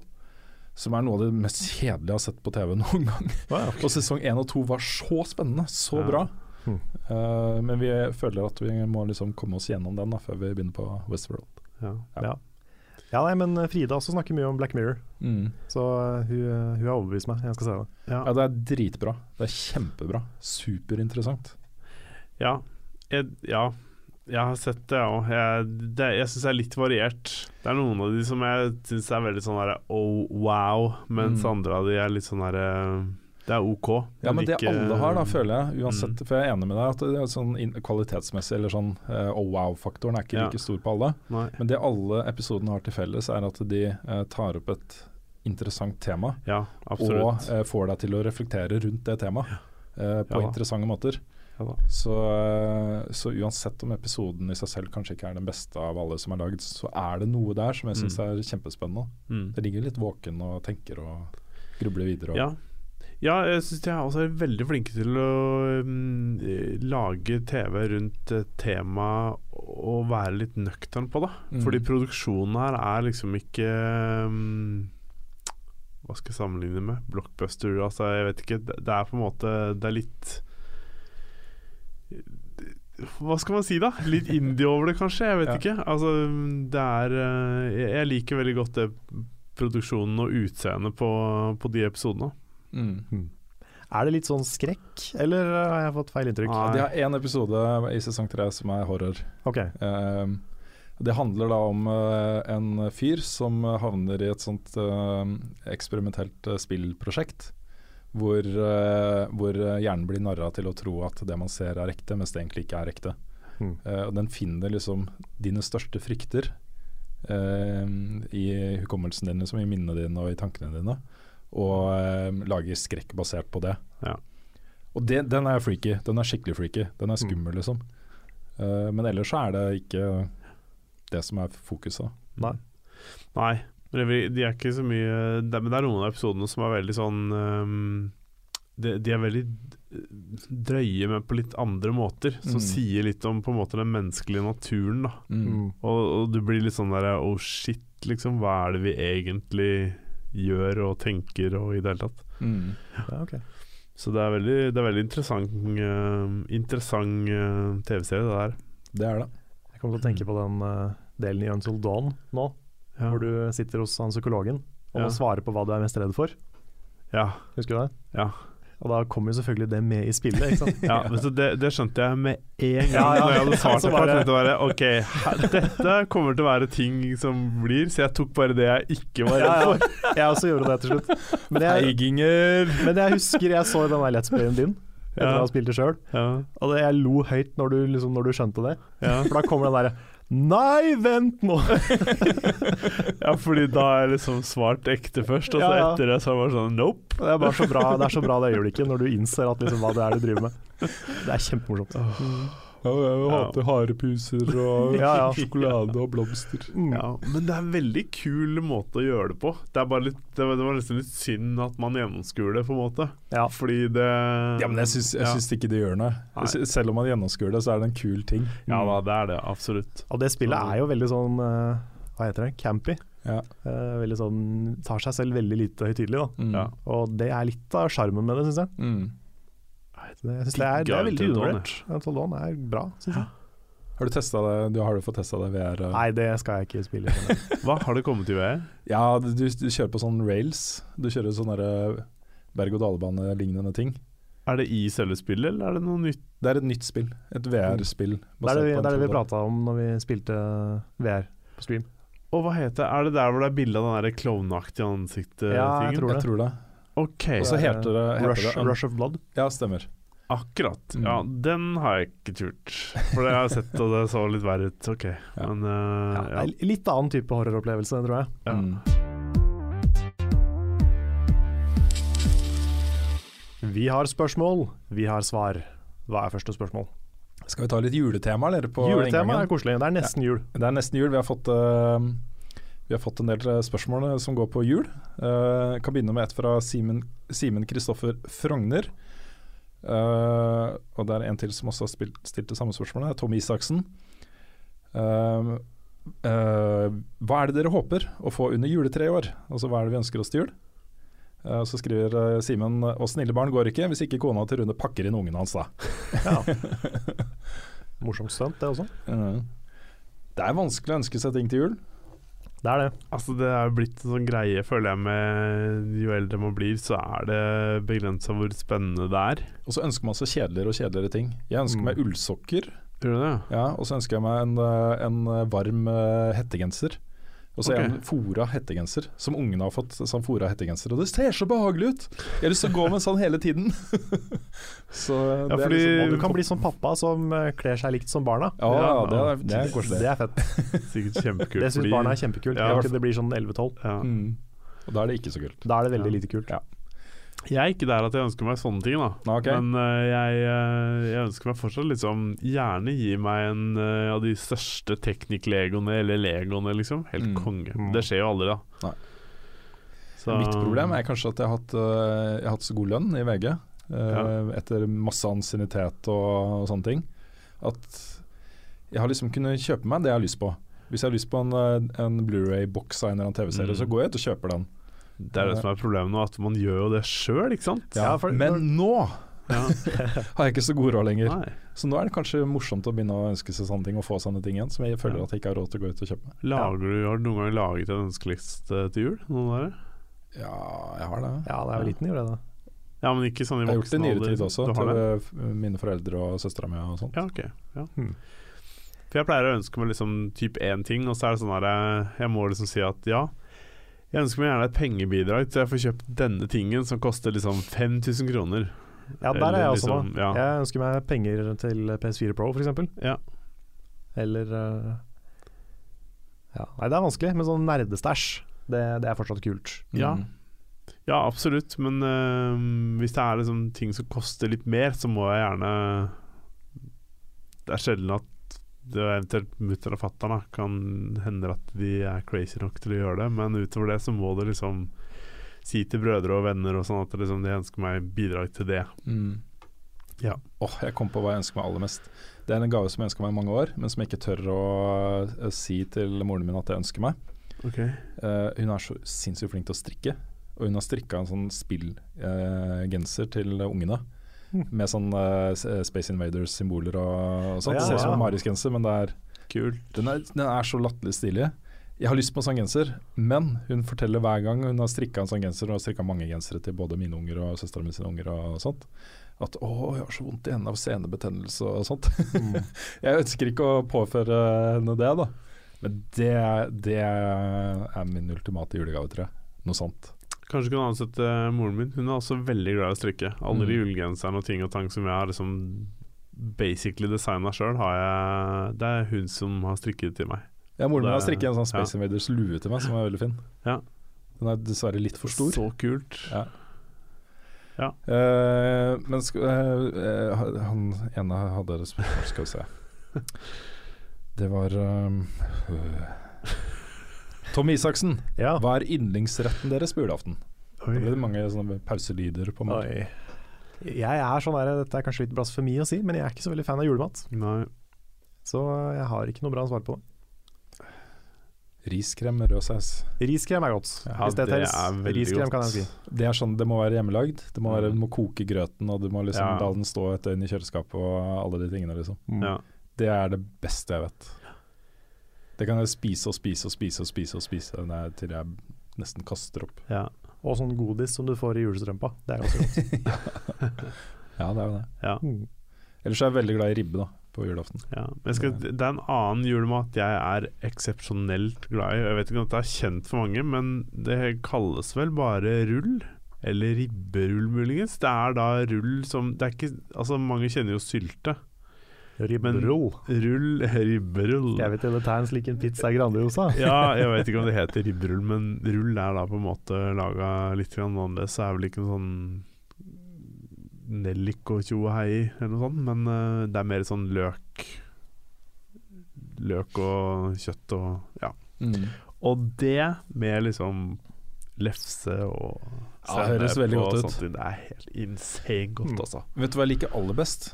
Bedre enn julemiddagen. Ja. Det er restefrokosten dagen etter med liksom kjøtting og alle det, og så må jeg kjøpe kanskje litt ekstra godt pålegg og Wow. Og den første juledag når du skal spise frokost da, det er så digg når du bare da kan liksom gå i pysjen, mm. og det er liksom koselig TV, kanskje musikk, og liksom stemninga er Den er så spesiell. mm. Det er få dager som er så spesielle som akkurat eh, i hvert fall første juledag. Det er litt morsomt det, fordi vi har hatt et lite sånn eh, logistikkproblem i min familie uh, med julaften. Fordi uh, jeg har fått mine barn, søstera mi har fått sine barn. Vi har liksom foreldre, svigerforeldre. Det begynner å bli litt komplisert å få den kabalen til å gå opp. Ja. Uh, så har søstera mi foreslått at vi ok, fra og med nå så feirer vi bare jul hver for oss. Og så gjør vi første juledag, frokost første juledag til vår juletradisjon. Og Det er egentlig et ganske godt forslag, for det er en veldig hyggelig dag. Mm. Stresset er liksom bak oss. Alt det der pushing av julegaver og, og sånt er over. Mm. Ungene kan kose seg med nye leker. Uh, alt er liksom mye mer laidback, da. Mm. Godt forslag, syns jeg. Men har dere det sånn at dere, hvis dere har mange på julaften, bytter dere én og én gave? Eller én og én person som åpner én og én gave? Ja, vi har pleid å gjøre det sånn, men det er litt vanskelig når det er fire barn Ja, på julaften samtidig. For, for jeg er voksen, og jeg syns det er så kjedelig. Ja, Det tar så lang Ja. tid. Det gjør det i hvert fall hvis du skal ha liksom én person skal åpne en gave, så skal neste person åpne én gave. Mm. Ja. Så jeg har prøvd å liksom argumentere for at du hva, nå gjør vi det sånn at i hvert fall alle åpner én gave samtidig. Ja. Og så kan alle vise, og så går vi videre. For ellers tar det så lang tid. ja, det tar for lang tid. Ja, det, jeg er helt enig. Fordi vi har blitt sittende liksom fra sånn seks til tolv-ett, liksom, med akkurat det systemet der. Og Ja. det er noen som er veldig for den derre um, At vi skal gjøre det på den måten, og jeg er helt enig med deg. Det er jo alt annet enn praktisk og Ja, ja. I hvert tidsbesparende. fall når det liksom. er sånn fem tanter som får enda en vinflaske. Og 'Å, den var fin, den er fra årgang', og så skal de liksom begynne å Ja. Det, det er ikke greit. Nei, det er ikke greit. Nei. Mitt, mitt problem med det, det er eh, at, eh, at eh, gaver og forbruk får så stor plass på julaften. I hvert fall når det er liksom veldig mange barn uh, involvert.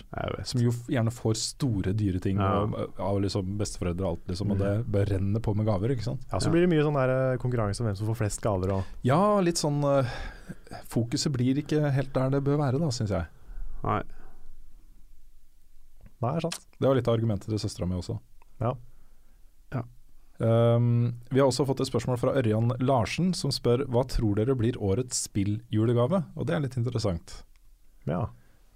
Jeg hadde jo lyst til å si Nest Mini, men den Ja, kommer skulle- liksom bare i et par hundre eksemplarer, ja, kanskje tusen, da, til Norge. Mm. Totalt. si. Hvis ikke det hadde vært veldig eh, tørke på den, så hadde Mm. det vært den, tenker jeg. Tipper eh, Pokémon Sun og Moon, jeg. Ja, som spill, ja. ja. Ja. Det kommer nok til å ligge med 3DS Mm. til mange. Ja, det er i hvert fall et, et eh, litt mer sånn inside-tips enn å si PlayStation VR, f.eks. Ja, jeg tror det er for dyrt for mange. Jeg vet ikke. Det er liksom det å kjøpe konsoller til ungene og sånt, det er ganske vanlig på julaften. Ja. Jeg fikk ikke, det vil si jeg fikk PlayStation 2, men det var da den kosta 2,5, tror jeg. Mm. Den må liksom ned der for at mine foreldre skulle kjøpe noe sånt. Jeg syns det er for mye også. Ja, det er Eh, dritdyrt det òg, for all del. Sånne ting mener jeg liksom ungene bør være med på å spare til på et eller annet vis. Mm. Og så bidra til at de får den. Mm.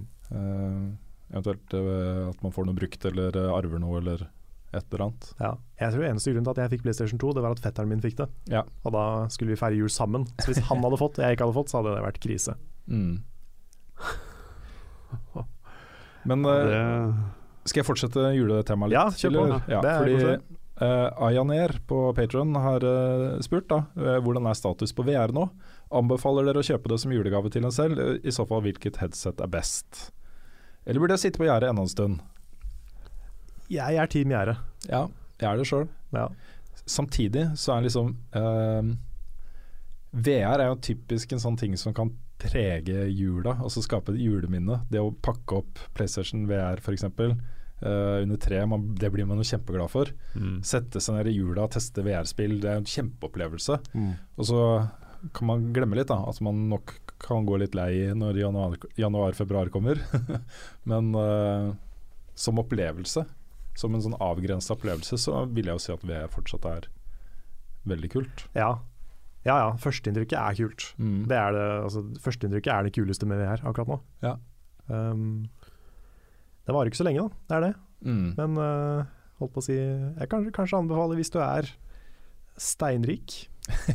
ja. Da, da kan du kjøpe VR. du til penger. Ja, Jeg synes hvis du har masse eh, penger, så, så kanskje. ja. Hvis du jobber i VG med 20 års ansiennitet. Ja, da kan du kjøpe VR til deg sjøl i jul. Ja. Ja. Julegave. Altså Jeg syns fortsatt det er kult å, å sette på meg VR-headsetet, men eh, jeg må jo si at eh, man, man burde kanskje ha prøvd det først. Ellers så bør man være sikker på at uh, dette kan være mulig å levere tilbake, fordi det å bli kvalm og svimmel og hele pakka der oppi tingene Det er ikke sikkert alle reagerer like bra på det, altså. Nei. Og da kan opplevelsen på en måte plutselig bli litt sånn Åh, dæven, dette er Ja, ikke så gøy. Det er et veldig godt poeng. Det er en del sånne helseting som man burde teste først, Ja. før man investerer i noe sånt. Men sånn tilleggsmomenter, da. Eh, hvis du får eh, VR på julaften, så er det ganske stor sannsynlighet for at det er en del ikke-gamere til stede. Mm. Og muligheten til å sette et VR-headset på folk som ikke er uh, spillere. Det kan skape mye bra YouTube-videoer og Ja, sånt. Også. ja, det er gøy. ja. Det er gøy. Ja, så det er jo sånn testingfase og prøve det litt grann er jo null stress som regel. Det er jo Mm. mer sånn langvarig bruk som jeg tenker at det er uh, kan være litt sånn kjipt, da. Mm. Og det er eh, per nå i hvert fall så føles det ikke bra nok til å være ja. Sant. Jeg har et uh, siste julespørsmål, så kan vi gå videre til uh, andre ting. Okay. Det er fra Thomas Lingam på Patron. Blir det en Level Up julekalender? Ja, det er jo skummelt å si det 100% men vi, uh, vi vil jo det. Ja, vi har begynt planlegginga. vi Vi, vi sitter og lager et opplegg for det. Mm. Mm. Så, så vi satser på at det blir en julekalender. Vi gjør det. Det blir første gang vi lager Level Up julekalender. Det gjør det. Mm. Det har vi ikke gjort før. Skal vi si noe om hva det skal være, eller skal vi la det være litt hemmelig? Uh, vi kan la det være litt hemmelig.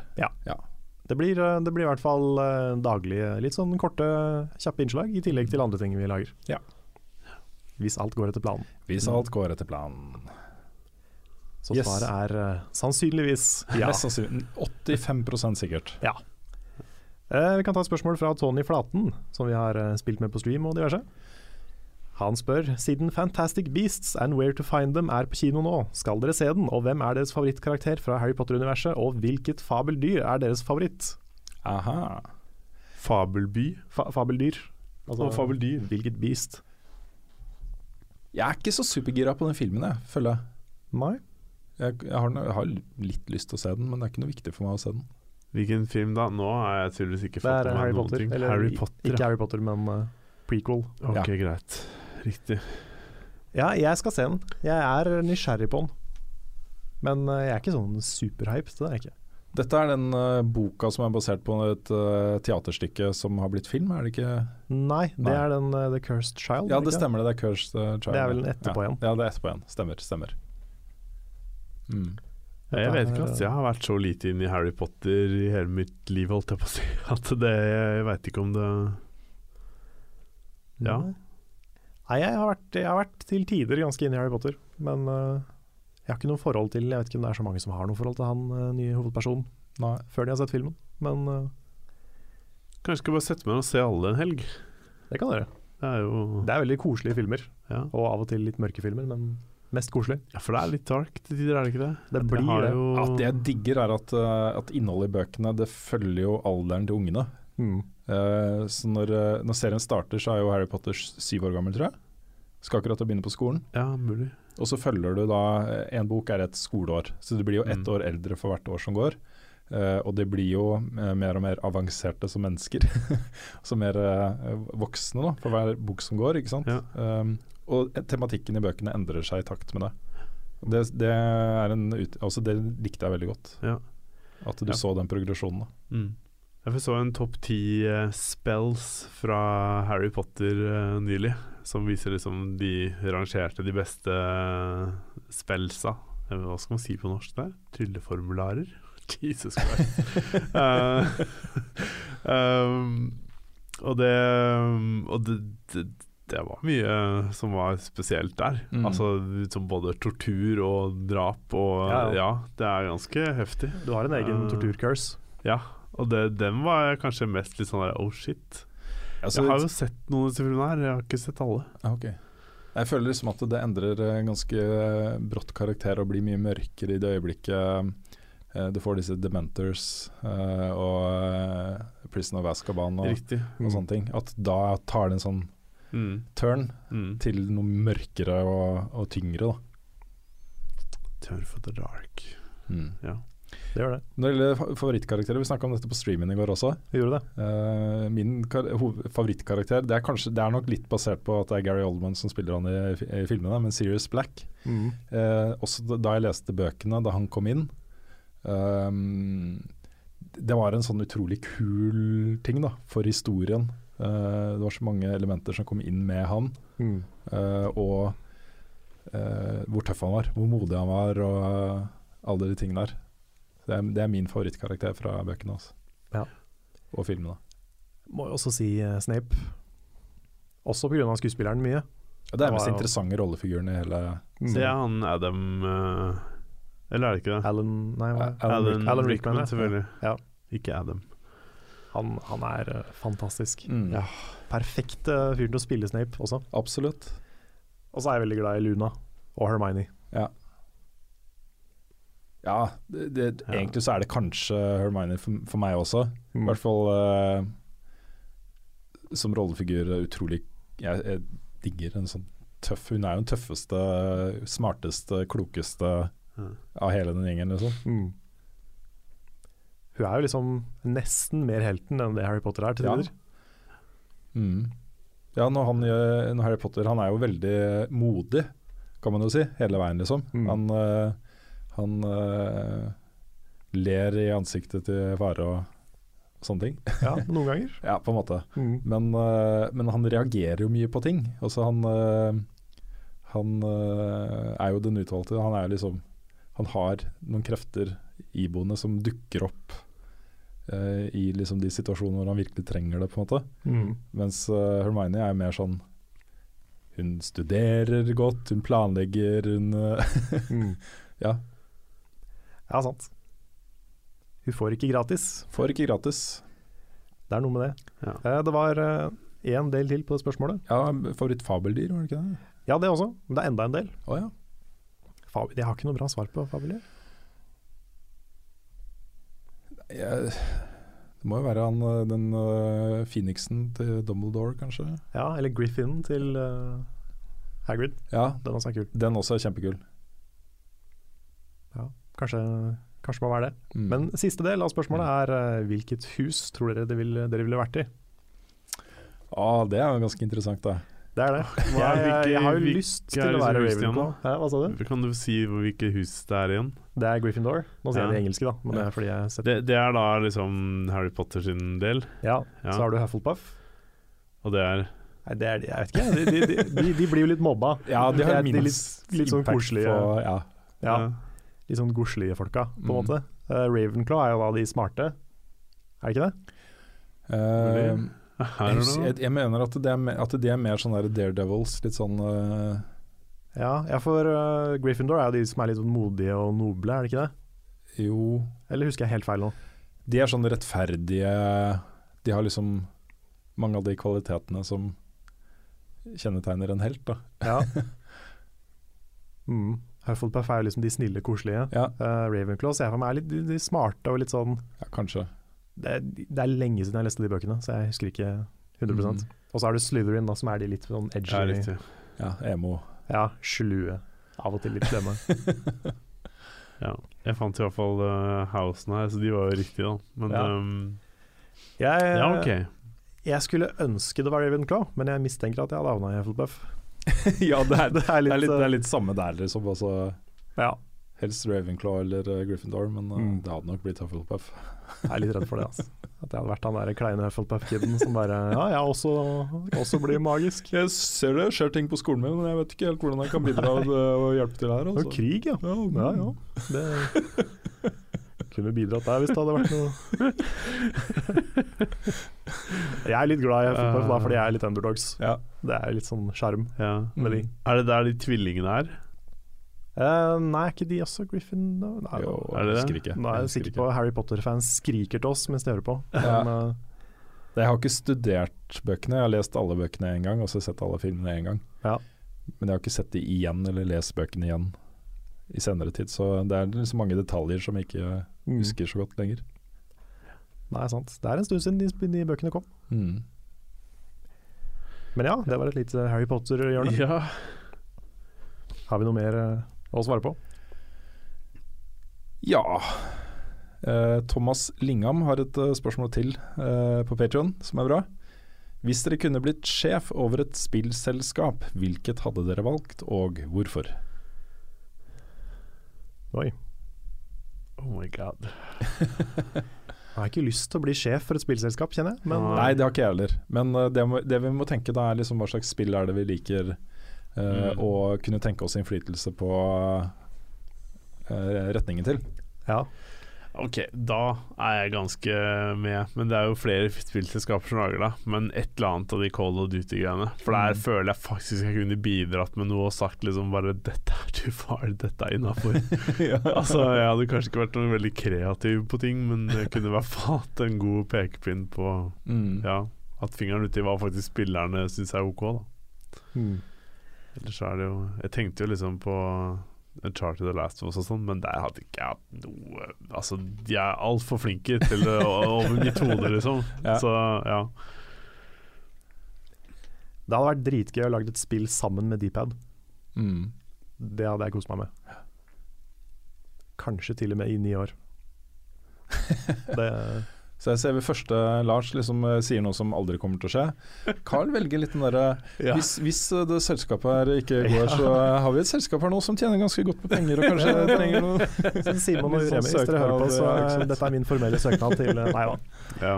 Nei, men sånn eh, Jeg tror jeg hadde trivdes best i et lite team Mm. som lagde noe litt sånn intimt, og jeg tror de har litt, sånn, litt samme spillsmak som meg, så Mm. kunne se for meg at det hadde vært gøy. Det er godt poeng, det, altså. Å være litt mer sånn Ja. Jeg vet ikke hva jeg kunne bidratt med der, i det hele tatt, men eh, det hadde vært morsomt. Mm. Det er eh, det mest åpenbare svaret for meg. eh, det er Bungie. Okay. Altså, jeg kjenner jo dette spillet like godt som de som jobber der gjør, sannsynligvis. Og i likhet med store deler av den hardcore fanbasen til Destiny, så har jeg masse ideer om hvilken retning det spillet bør ta. Men ikke bare det. Vi har snakka mye om liksom min sci-fi-interesse. Uh, og det er på en måte De har gjennom tre store spillserier gjort noe av de kuleste sci-fi-tingene som er gjort i spill med det. Med Marathon, med uh, Halo og med Destiny. Uh, så sånn rent tematisk så er det kanskje det uh, firmaet, spillselskapet, som ligger hjertet mitt nærmest. da. Så både med tanke på Destiny i seg selv, men også fremtiden til selskapet og hva de kan finne på å lage i fremtiden, så er det kanskje et sted jeg faktisk kunne ha tenkt meg å jobbe. Mm. Ja. Um, Kurt Arne Strømmen spør Kan ikke dere lage en Level Up Buyers Guide, hvor dere tar for dere en konsoll, ny og retro, og dens topp ti må ha spill? Dette har vi snakka litt om, om opp gjennom årene, egentlig. Vi har det. Vi har gjort litt av det i VG, eh, fordi det var jo bra sånn VG-stoff. Mm. Guider. Mm. Uh, julegaveguider. Skal du kjøpe en uh, Xbox uh, 360 til jul, så bør du også ha med disse spillene, type ting, da. Mm. Um, det å gjøre det månedlig er ganske tidkrevende. Det får vi ikke til. Nei. Men eh, det kan hende det er aktuelt å gjøre noe sånt i juletider, f.eks. Mm. Det vi har snakka om før som kanskje kunne vært en idé, er jo også å lage en sånn derre øh, Åh, hva heter det? Når uh, Rocke... Hva heter, heter det? Øh, Hall of Fame? Nei. Jo Ja, er det liksom Man innlemmer på en måte nye band inn i øh, rockens ja, Hall of Fame. Ja, ja, ja. Mm. ja. At vi kunne gjort noe tilsvarende, men på spill. Da, og da kunne vi gått tilbake i tid og tatt alle, alle konsollene, liksom. ja. Mm. Uh, og kåret liksom de 20 mest beste og viktigste spillene til den konsollen. Mm. Og så kunne vi hatt en liste til aktuelle Vi kunne hatt en for PlayStation 4 og Xbox One og uh, Switch og sånt også, Mm. men som er mer levende. da At når det kommer et nytt spill som danker ut et spill på den lista, så gjør vi en ny sak på det, på en måte. Ja. Det, det er noe vi kunne gjort med den der eh, veggen vi hadde på VG. Ja. Vi hadde bilder fra spill. Mm. Vi kunne hatt liksom kanskje konsollen øverst, Ja. og så spill nedover. Mm. I sånne rader, f.eks. Ja. Hvis vi hadde hatt en veldig stor vegg, så kunne vi gjort det. Ja, det kunne vi faktisk. Nei, det er en uh, Ideen er god, altså. Um, men uh, jeg tror ikke den kan gå på bekostning av liksom øh, produksjonen av vårt øh, daglige, ukentlige innhold. Nei. Det er ganske tidkrevende. Tar tid. Mm. Ja, har vi noe mer eh? Jeg har et bra spørsmål fra Svein Erik Hegmo. Uh, han skriver Jeg har lyst til å oppgradere til PlayStation Pro. Hvilken skjerm bruker Rune? Har dere andre tips i forhold til skjermer som passer til PlayStation Pro? Dette har jeg snakka litt om tidligere også, men eh, em, for min egen del så har jeg blitt en monitorgamer når det gjelder uh, PlayStation, eller konsollspill. Um, jeg foretrekker det. Uh, da var det en issue det å finne en uh, 4K-monitor som hadde HDMI 2.0. Fordi eh, hvis den, de fleste skjermer som lages, de har nå enten bare DisplayPort eh, eller eh, HDMI 1.4. Um, for å kunne kjøre 4K-signaler fra PS4 Pro til en monitor, så må du ha HDMI 2.0 eller bedre. Hmm. Så det er pri én. Finn en monitor som er 4K med en HDMI 2.0. mm. Ja, for du snakka om at det å få en converter fra DisplayPort er vanskelig. Ja, jeg, eh, det var ingen butikker i Oslo som var innom som hadde det. Eh, de hadde eh, overganger fra liksom, det ene til det andre. Men det du trenger, og det har jeg funnet på nett, da, eh, på eh, Amazon og diverse, eh, det som kalles en aktiv konverter. Og selv da er jeg ikke helt sikker på om det faktisk fungerer. Jeg, var innom Digital Impuls rett over gata fra kontoret vårt og hadde en lang prat med de om disse tingene. Og de var heller ikke sikre på om det var nok Okay. om det var nok hastighet i selve konverteren til Mm. å ta med seg alle 4K-signalene. Mm. så for å være sikker eh, monitor med HDMI 2.0 De fleste moderne TV-er har HDMI 2.0, så der er det ikke noe problem. Okay. Men, eh, men grunnen til at jeg velger monitor, er rett og slett fordi det er eh, mindre delay mellom eh, det som skjer i spillet og når du faktisk ser det på skjermen. Du får det ned i 1, 2 og 3 millisekunder. Eh, TV-er er det vanligere med sånn 20, 30, 40 Mm. millisekunder. Um, og så liker jeg, jeg liker å ha den avstanden. At det er en monitor. Jeg sitter ganske nærme. Litt sånn PC-fil, Ja. rett og slett. Jeg er fortsatt litt glad i sofaen, jeg. Altså. Ja Men, eh, men jeg, jeg ser den.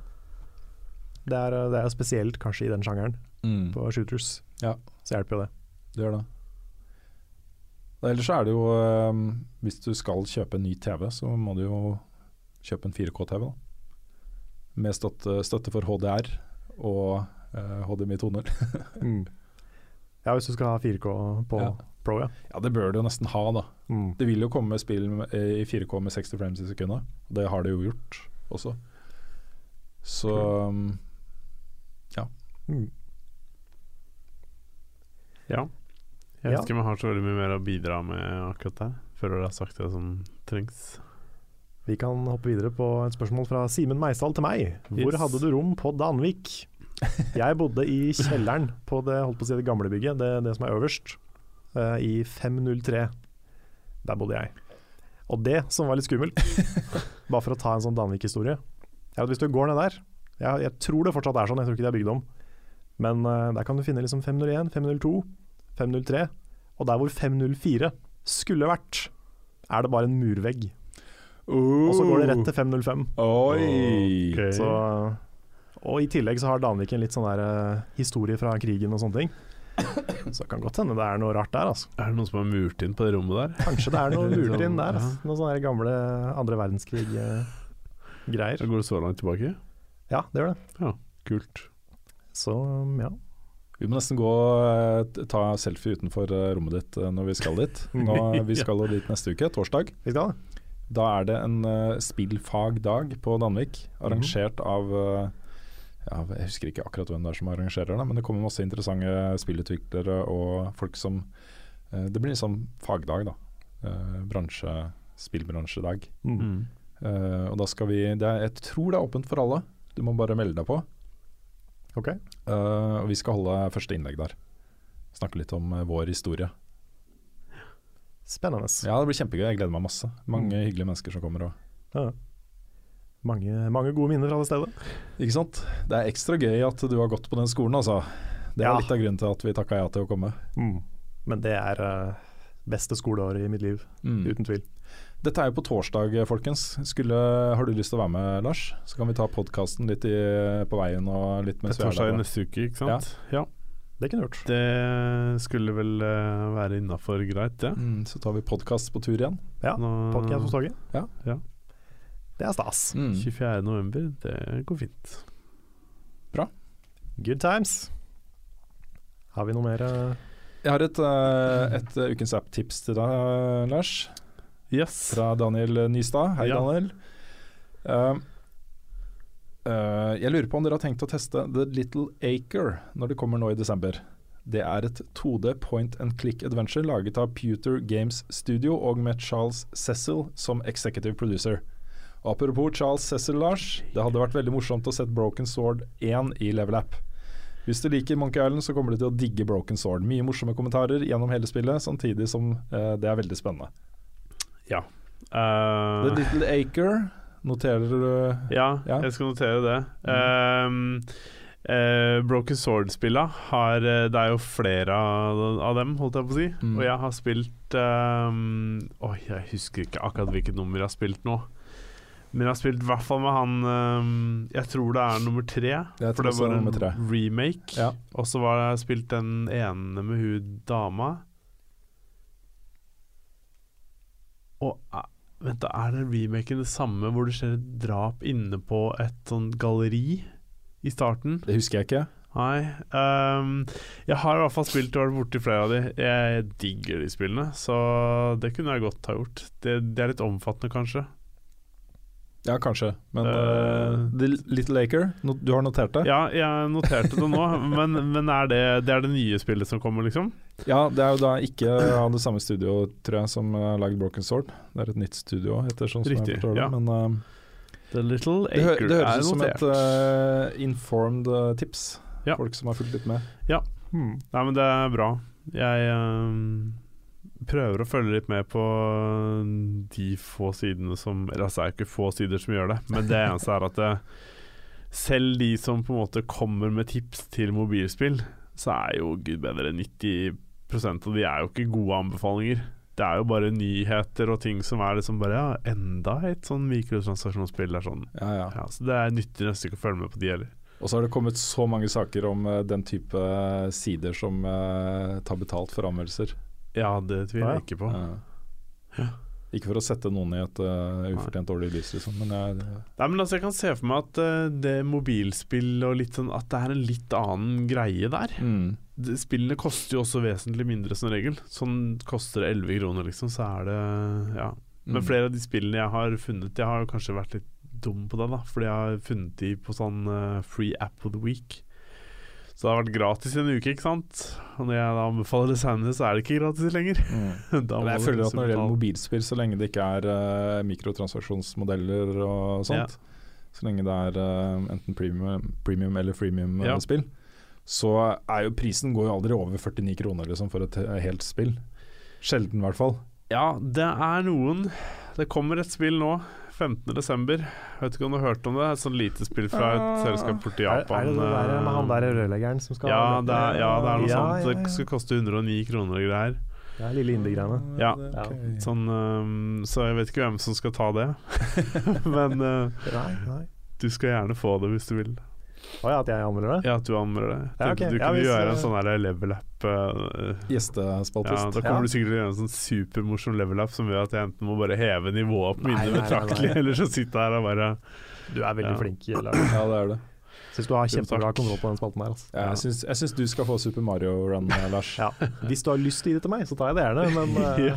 men du Vi kommer jo til å spille hele gjengen. Ja ja, uten Ja, tvil. det, er, eh, det ser jeg frem til, ass. Og så liker jeg Det- modellen deres hvor du har muligheten til å teste Mm. første brett eller noe sånt gratis. Mm. Mm. Og så for å låse opp resten så må du Mm. betale 109 kroner. Ja. Det er litt dyrt. Det er litt dyrt, kanskje. Det er, liksom, det, er, det er litt for dyrt til at det blir en sånn Pokémon Go-greie, tror jeg. mm. Det er litt mer sånn du må tenke deg om før du kjøper det. Ja, det er litt grann. Jeg, jeg tror kanskje ikke det blir sånn for alle, for det er et Super Mario-spill. Mm. Altså, da er det sånn Jeg tror nesten de kunne tatt hva de ville. De gjør jo nesten det òg. Ja, de, gjør det. De er Nintendo- mye altså for et mobilspill. Nintendo-fansen kommer til å kjøpe det, Ja. uansett. Ja. Samme som uh, du har jo en del Final Fantasy-spill på IOS, Mm. og fans kjøper jo det òg, selv om de koster kanskje 200-300 kroner. Ja. Som er helt crazy for et mobilspill. Ja, fytterakkeren. Men, uh, men ja. Det er, jeg vet ikke om det får den samme mainstream-appellen når det koster så mye. Nei, det vet jeg ikke. Skal vi prøve å gjette hvor mange eksemplarer de kommer til å selge av eh, Super Mario Run? Oi. Kan vi Jeg har litt lyst til å ha noen referansetall. Ja, vi kan, vi kan eh, finne ut hvor mange, eh, Hvor mange millioner var det som hadde Smarttelefoner. mange smarttelefoner det er i verden. Ja, for men det kommer jo både på Android og Ja, iOS. men OK, så vi skal ta med etterkant, for det kommer jo kun på IOS først. Ja, stemmer. Ok. Så det er jo det tallet vi må gå ut ifra. Okay, da kan vi prøve Kan vi, kan vi få opp salgstall på Angry Birds på, på iPhone? Går det an? Eh, Det kan vi prøve på. For det jeg føler jeg er et sånn er referansepunkt. Ja. Ja, nei, Det blir spennende å se. Jeg kan nevne ting i mellomtiden eh, angående level-app. Der er det sånn jeg skulle Når jeg lager den, så sitter jeg hele tida og tenker på at åh, nå skulle jeg ønske at vi hadde et kontor hvor vi satt og gjorde disse tingene sammen. For det er så mye ting Jeg er for dårlig til å sette meg ned og skulle lage både filme meg selv eller gjøre ting som bare er meg selv. Jeg også veldig Hadde vi gjort liksom Hadde vi vært i et kontorlandskap eller sånne ting der, så hadde det vært så mye kulere. Jeg Mm. føler det er vanskelig å sitte og være kjempemorsom på egen hånd med de level-appene. Nei, det går bra. Det klarer du. Uh, Ok, Installed base av aktive IOS-brukere uh, okay. var uh, 27.1 i år uh, runda 1 milliard. Milliard. En milliard Er det totalt? Det er aktive IOS-brukere. Det er aktive IOS. Ja. Ja. Eh, Så skal jeg prøve å finne antall solgte Angry Birds-spill. Men hvor, mye, hvor mange var det på det eh, Pokémon Go? Var det millioner, eller var det oppi en milliard? Det var halv milliard. 500 Det var en halv milliard. ja. Ja. Men det var free to play, da. Ja da. Og det kosta ikke 100 kroner. Jeg veit ikke, ass. Skal man ta en beskjeden tipp på 10 millioner? Det kan hende er det kanskje ikke beskjedent heller? 10 millioner er altfor lavt. Er det det? Tror Altfor du lavt. I er hvert fall 100 millioner. Kan, ja, Ja, men- 200-300 millioner. Du tror det er såpass høyt? Ja, Ja, Hva tipper du? 100 millioner. Vi kan finne ut hvem som hadde rett. ja, eh, 300 millioner uh, solgte eksemplarer av uh, Super Mario Run til IOS. Ok, Hvis vi først går opp i det, jeg tror det er crazy høyt. Er det innen er det for, Når skal vi si at denne grensa kommer, da? Er- Første uka? Nei, første måned. Første måned? Ok. Ja, da sier jeg 50. 50 millioner? Ja, Da skal jeg være han feige som tar i midten. Da sier jeg eh, 150 millioner. 150. Ja, Den som er nærmest, har vunnet. Hva vinner vi? Vi vinner uh, hele været. Tur til Rema 1000.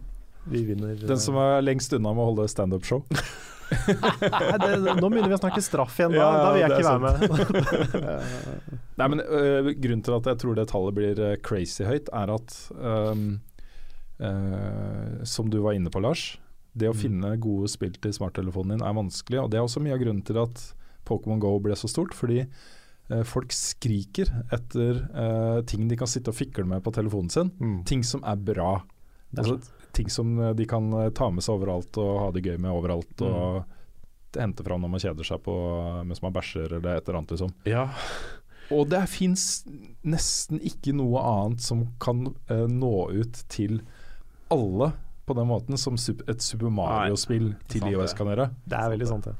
Så dette er den første virkelige testen, føler jeg, da, på uh, uh, uh, hvor stort mobilspill har blitt. Og jeg, jeg tror dette kan bli en sånn vanvittig greie. Mm. Så Det kan det. jeg kanskje kjøpe aksjer for uh, Buffkitten. eh, eh, oppsparte midler og Ja, i I Nintendo Nintendo. før lansering. Mm. Før de tallene begynner å komme ut på middag og sånt. Vi kjøper aksjer direkte i Super Mario Run. Ja, ikke sant? Bare finner noen egne Run-aksjer. Aksjekursen til Nintendo har jo steget med 50% i høst etter suksessen med Pokémon Go og mottagelsen av eh, Switch. Mm. Og nyheten om uh, Super Mario Run. De tre tingene har liksom ført til Mm. ganske betydelig opptur da, i aksjer. Mm. Vi får, Det eh, ligger jo video ute som viser litt mer av selve spillet også. Mm. Og det er jo bare Det blir jo mer og mer bare sånn åh, kult. Ja, det ser kjempegøy ut. Så Kan vi ikke bare gjøre det samme, vi? At vi, vi lanserer en konsoll som heter eh, Level Up Switch. Mm. Og så lanserer vi liksom Super Carl Rune. Med liksom run og så én en annen farge. Ja, og Angry Lars. Angry Lars. Og hva var den siste tingen? Det var eh, Jo, Level Up Go. Ja. At du kan fange oss. Du Mm. kan bare, det, det, og så har du forskjellige level, da. Wild Carl appears. Ja. Hmm. Nick kan liksom evolves inn til Super-Nick. Jepp. Ja. Det er en god idé. Det hadde vært uh, morsomt, da. Dpad, bare bare ringe oss. Så Ja, vi har hele konseptet klart her. Ja, ja. Bare ka-ching. Mm. Det kan ikke slå feil der. Rett og slett. Så Da må vi først ha aksjer, da. Det er kanskje viktig. At vi må liksom ha sånn Ja, vi har jo for så vidt aksjer, men det er jo ikke fritt tilgjengelig. Man kan ikke gå ut og kjøpe aksjer. Da må man eh, er kontakte Nei, oss og, Mm. og uh, si hør her, gutter. Jeg har veldig mye penger. Begynner vi å snakke sånn aksjonærer og sånn, da? Dette her er Ja, vi har jo to aksjonærer i selskapet vårt, og det er Ja, Karl ikke og meg. Ja. Vi har 50% Og vi er sykt strenge på det. Vi skal, vi skal begynne å blande oss i alt Level Up gjør. Ja. Som dere egentlig gjør allerede. Så Ja. det er greit. Det er, men det er sånn, sånn er det. Sånn er det bare. Mm. Vi er de tøffeste aksjonærene. Det hadde vært interessant hvis en av oss hadde 51 og den andre hadde 49. Ja. Det kunne blitt litt gøy. Mm. En ting da, som er litt sånn ulempe med at begge har 50, uh, lærte jeg, for du kan søke om sånn der uh, etableringsstøtte på Nav, men da må du ha 51. Oh, ja, Så du kan ikke ha 50% du må ha 51% for å kunne søke om det. Er det sant? Mm. Men da er det jo bare å omfordele litt, Det da. er bare å ha et, en, en generalforsamling, det. Et styremøte, jeg vet ikke. Det er jo det, men jeg tror det er for seint også. Tror du, må gjøre det. du må gjøre det før du starter. Okay. Ja, ja, ok. Det er noen jeg kjenner som har starta selskap. Jeg vil ikke utlevere hvem det er, fordi det er sånne ting som man bør snakke om på forhånd. og Spørre om det er greit. Mm. Men uh, de, de fikk det lenge etter at de hadde faktisk etablert selskapet. De gjorde det, ja. Lenge. Who knows? ja. Just try. Desperate times. Kanskje vi må ta et lite styremøte. Ja. Det kan hende. Yeah. Um, skal vi se, vi, har, vi var litt inne på Switch nettopp, men Kenneth Isaksen Drageid spør nå som Nintendo Switch er rett rundt svingen. Hva tror dere om Nintendo 3DS sin levetid, sett opp mot at Switchen også skal fungere som en portabel konsoll? Vil støtten for den nedprioriteres, eller vil den leve side om side med Switch? Vanskelig å svare på. Det hadde, vært, det hadde jo vært kult hvis uh, på dette eventet som Nintendo skal ha i januar, de avslører at eh, eh, her er folkens, bak denne lille tingen uh, under her, så er det en inngang for 3D-spill. Hadde ikke det vært litt kult? Det hadde vært konge. Ja, Det hadde vært vanskelig å få til, da, for det er mange av de spillene som er designa for eh, to skjermer. Ja. Og de har vel gått ut og sagt at, den ikke, at eh, Switch kommer ikke til å være to skjermer. Ja da, det, det, det kommer ikke til å skje, men det, det hadde vært veldig gøy. Mm. Um, I don't know. Det er vanskelig å si. Jeg føler jo at 3DS lever litt i sin egen verden. At uh, uh, mange av de som spiller 3DS uh, For mange av de så er 3DS deres primærkonsoll. Mm. Det er der de kjøper spill og spiller spill og sånne ting. Uh, og det tror jeg fortsatt vil være tilfellet en god stund framover. Ja. Jeg er ikke overbevist om at Nintendo kommer til å fortsette å støtte den så veldig Nei. lenge. Jeg, jeg tror det vil være en sånn overlappperiode på kanskje et år. Mm. Og etter det så tror jeg 3DS vil bli fasa ut. Ja. Jeg tipper de kommer til å kombinere det de lager på håndholdt med det de lager på hjemmekonsoll med Switch. Jeg håper litt at de gjør det, for da, da kommer det mer. Ja. Så slipper folk å kjøpe to konsoller for å følge med. Mm. Ja, det eneste er at uh, Altså ja, Switch er portabel og sånne ting, men Det er kanskje vanskelig å si før man eventuelt holder det i én, men den er Den er mye større. Enn Ja, den det er- litt sånn ikke så iPad-nivå, enn, eh, på en måte. Ja, den er, er ikke så stor. Den er litt mindre enn det. Den er litt på Ja, størrelse med Jeg tror den er kanskje bitte litt større enn en 3DS XL. Ja, den er, den er en god del større enn det, tror jeg. Ja, er den det? Ja, jeg tror det. Er ikke den litt sånn Jeg ser for meg at den er litt sånn Vita-størrelse. Kanskje litt mer enn Vita. Jeg så på når de satte på de greiene og holdt det sånn, så så jeg for meg liksom Det er i hvert fall liksom en VU-kontroll. Ah, nei, det er ikke det. Uh, Den er, det er mindre enn Wii U. Ja, er den det? Mm. Skal vi se, Nå skal jeg søke her. Nå er, jeg lærte, etter forrige podkast lærte Frida meg hvordan man googler på telefonen. Ja. Um, Du går inn på lettfridagooglethatforyou.com, og så ja. betaler du 10 Den, dollar. den sida bør vi bare lage, Ja, vi hvis ikke noen har registrert den eh, allerede. Når vi sier det nå, så har noen sikkert Ja. gjort det. For det, det er faktisk det hadde vært veldig kult hvis vi hadde den sida oppe. Og det kosta ti kroner per søk. Ja.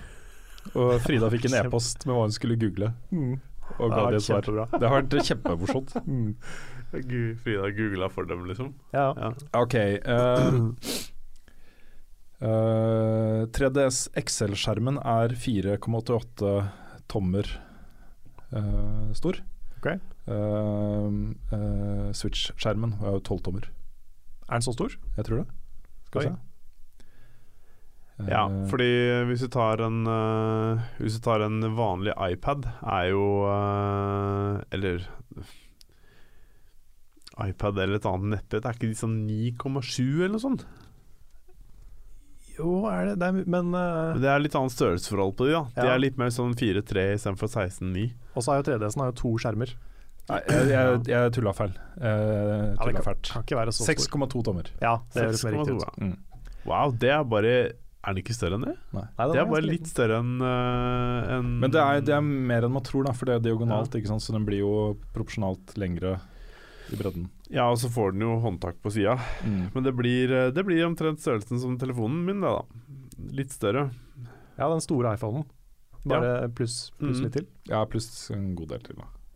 Ja, det blir jo litt, det blir jo litt tjukkere og sånn selvfølgelig, for det skal en del hardware inni her, så antar jeg. Mm. Så det blir jo Men For to tommer eh, forskjell, som det jo da var ca. mellom eh, 3DS XL og, og Switch, det er jo ca. 5 cm diagonalt, og det blir jo kanskje 7 da, Mm. eh, Mm. hvis du tar hele bredden.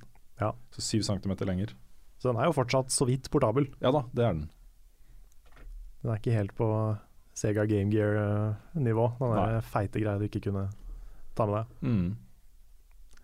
Ja. Jepp.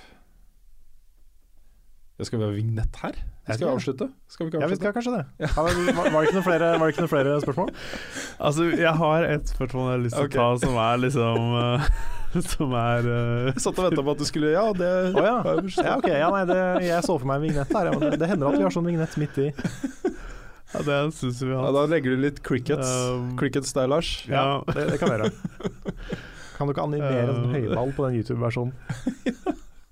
Hva for noe? Sånn høyball Ja, som bare ruller over. forbi. ja. Mm. Tumbleweed. Ja. Um, men uh, det var um, Mr. Sinfor hadde jo et Å, ja. spørsmål som jeg vet ikke om det er liksom litt tøft å ta, men det var aktuelt.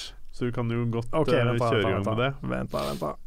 Bare, vi kan, ja, har du et annet spørsmål deg, eh, først, så kan jeg bare finne fram Ja, Se for deg enda en høyball som kommer Ja, hvis du ser for deg nå en sånn eh, rulle inn. r- sakte rullende liten ball, og så kommer det sånn Ja. Det var veldig morsomt med det her Doom-greia du la ut. At Mm. Doom må, for det var veldig mange som kom med Nei, dette blir for doomed, og hvorfor Ja. gjør Doom på dette har et viset? doomed spørsmål.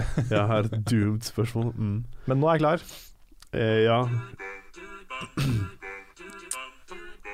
Ukens Sin4. Hvis dere skulle arrangere en spillmesse, hva ville dere lagt mest vekt på for publikum? Uh, godt Det er vel uh, litt med tanke på Ja. Spillekspo som var i helgen. Uh, muligheten til å teste masse, både ting som er helt nytt, Ja. og ting som er på vei. Er liksom, jeg føler det er ganske viktig på en spillmesse, fordi den skal skape litt hype og være litt sånn Mm. Du skal føle at du har fått opplevd noe der som du ikke kunne fått opplevd hjemme. på en måte. Jeg hadde hatt masse uh, sånne spillkroker Ja. med forskjellige spill. Uh, ikke nødvendigvis bare competitive e-sporting, sånn som Mario Party f.eks. Kunne vi Mm. kanskje hatt et sånt sted hvor en gjeng på fire-fem kunne satt seg og spilt Mario Party. Um, eller den type ting, da. Mm. Ja, sånn jeg- forskjellige typer spill. Helt enig med deg. Sånne type litt mer sånn sofaspill. Ja, som sånn man kunne sitte. Ja, så du kunne sette deg der, kanskje møte nye folk. Eh, ta en kaffe, lage litt sånn kaféopplegg ut av det. Jeg vet ikke. Mm. Ja. Altså gjort det Jeg ville laga et fargerikt kosekon. Mm. Det ville jeg Ja. laga. Med litt sånn hyggelige spill Ja. og alt mulig. Det må i hvert fall være fokus på brukeropplevelser her. Mm. Fordi øh, hvis det skal være Man kan selvfølgelig ha mulighet til å kjøpe ting og møte folk og tjo og hei, men øh, opplevelsene må være mer enn at du betaler for å få lov til å Mm. møte enkeltpersoner, eller, øh, eller at du må betale for å få lov til å betale mer for å kjøpe ting. Mm.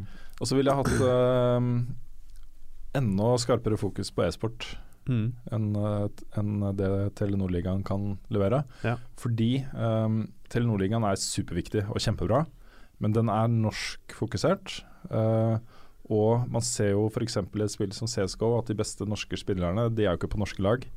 De spiller for danske og internasjonale lag.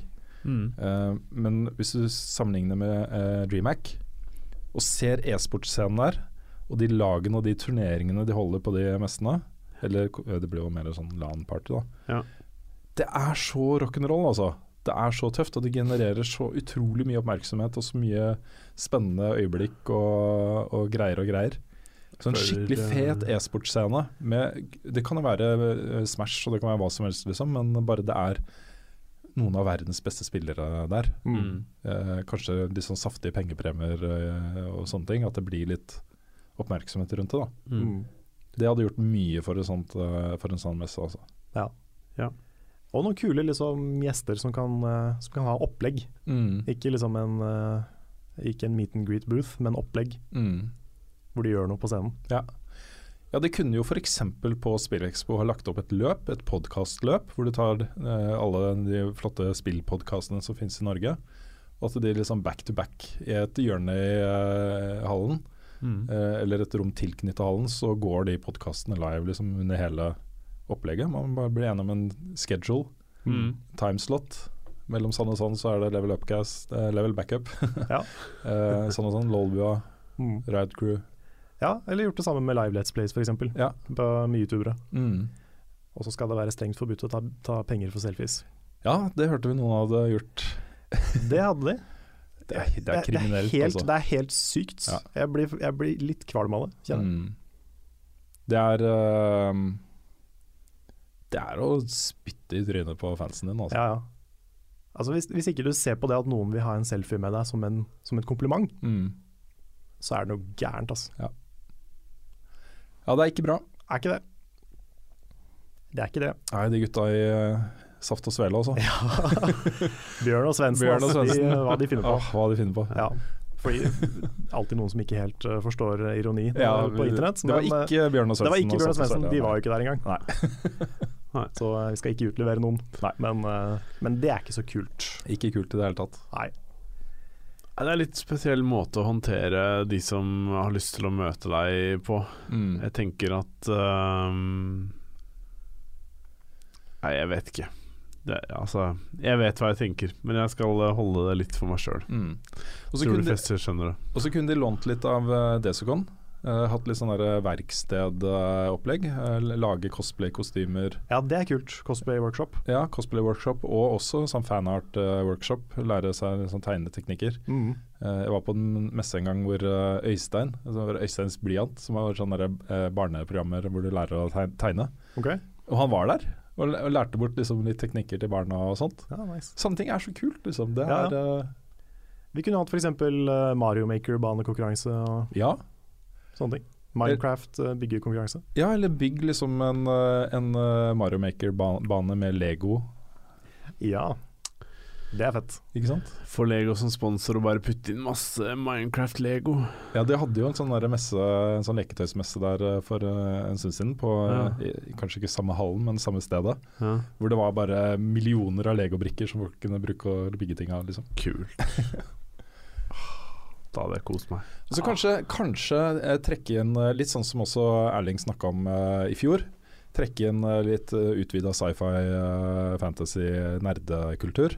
Mm. Eh, hatt kanskje litt, uh, litt uh, eh, sånne rundebordskonferanser eller sånn sceneopptredener av kjente skuespillere fra sci-fi-ting, liksom.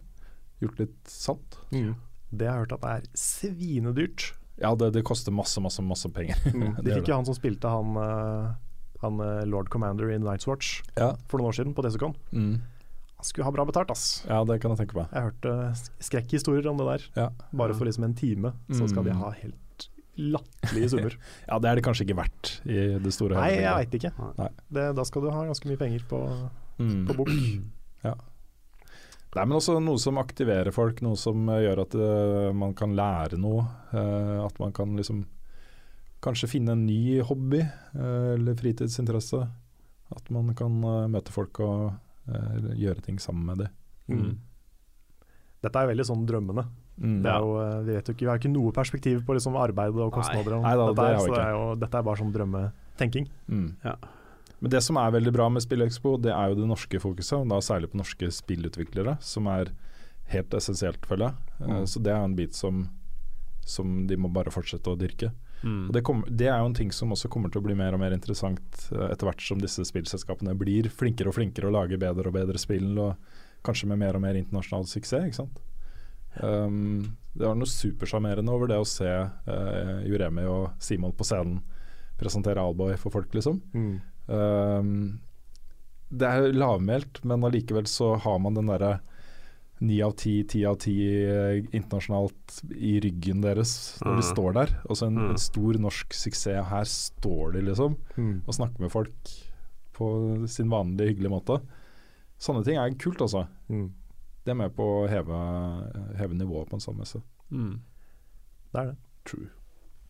Så det er bare å ringe oss, eh, Erling, hvis du vil ha litt eh, konsulenter for neste års uh, Spillekspo. Vi har mange gode ideer. Ja, vi har så sykt peiling på alt. Mm. Det, Det er en uh, jobb som Buffkitten AS gjerne kan uh, ta på seg. ja ja. Null stress. Ja. Vi har tiden til alt. ja. Ja, var det, var det siste Ja, jeg, jeg vil legge til at Spillekspo fortsatt er en eh, sykt god idé, Ja, ja, ja. og en, et utrolig bra initiativ. Det er jo fortsatt en bra messe, syns ja, jeg også. Ja da, og så eh, kritikken går bare på at det kanskje ikke var eh, like bra som det har vært, eh, eller eventuelt at den ikke har utvikla seg nok. Eh, men det er fortsatt bra, liksom, og fortsatt viktig for Spill-Norge at den Mm. messa eksisterer. Det er fortsatt hyggelig å samle gamere og nerder på et Mm. sted og Ja. ha noe å finne på. Absolutt. Du får ikke noen flere vignetter nå? Nei. Nei, nei. nei greit. Da, men det, det var cue på at vi skal avslutte. Ja. Ja, da er det bare å si hjertelig tusen takk til alle som har hørt på denne podkasten, og Spesielt hjertelig tusen takk til alle dere som er med og backer oss på Patron.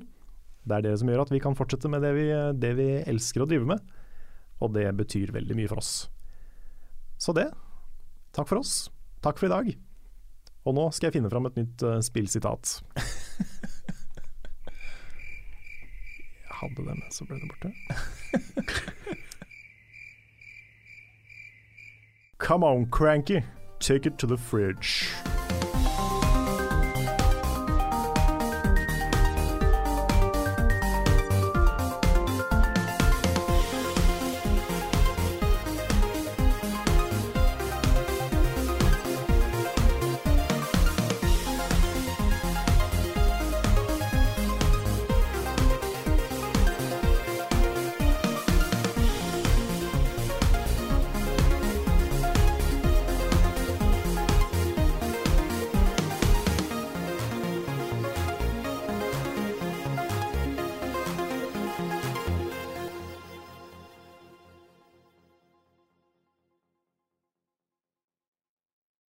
Har du et enkeltpersonforetak eller en liten bedrift? Da er du sikkert lei av å høre meg snakke om hvor enkelt det er med kvitteringer og bilag i fiken, så vi eh, gir oss her, vi.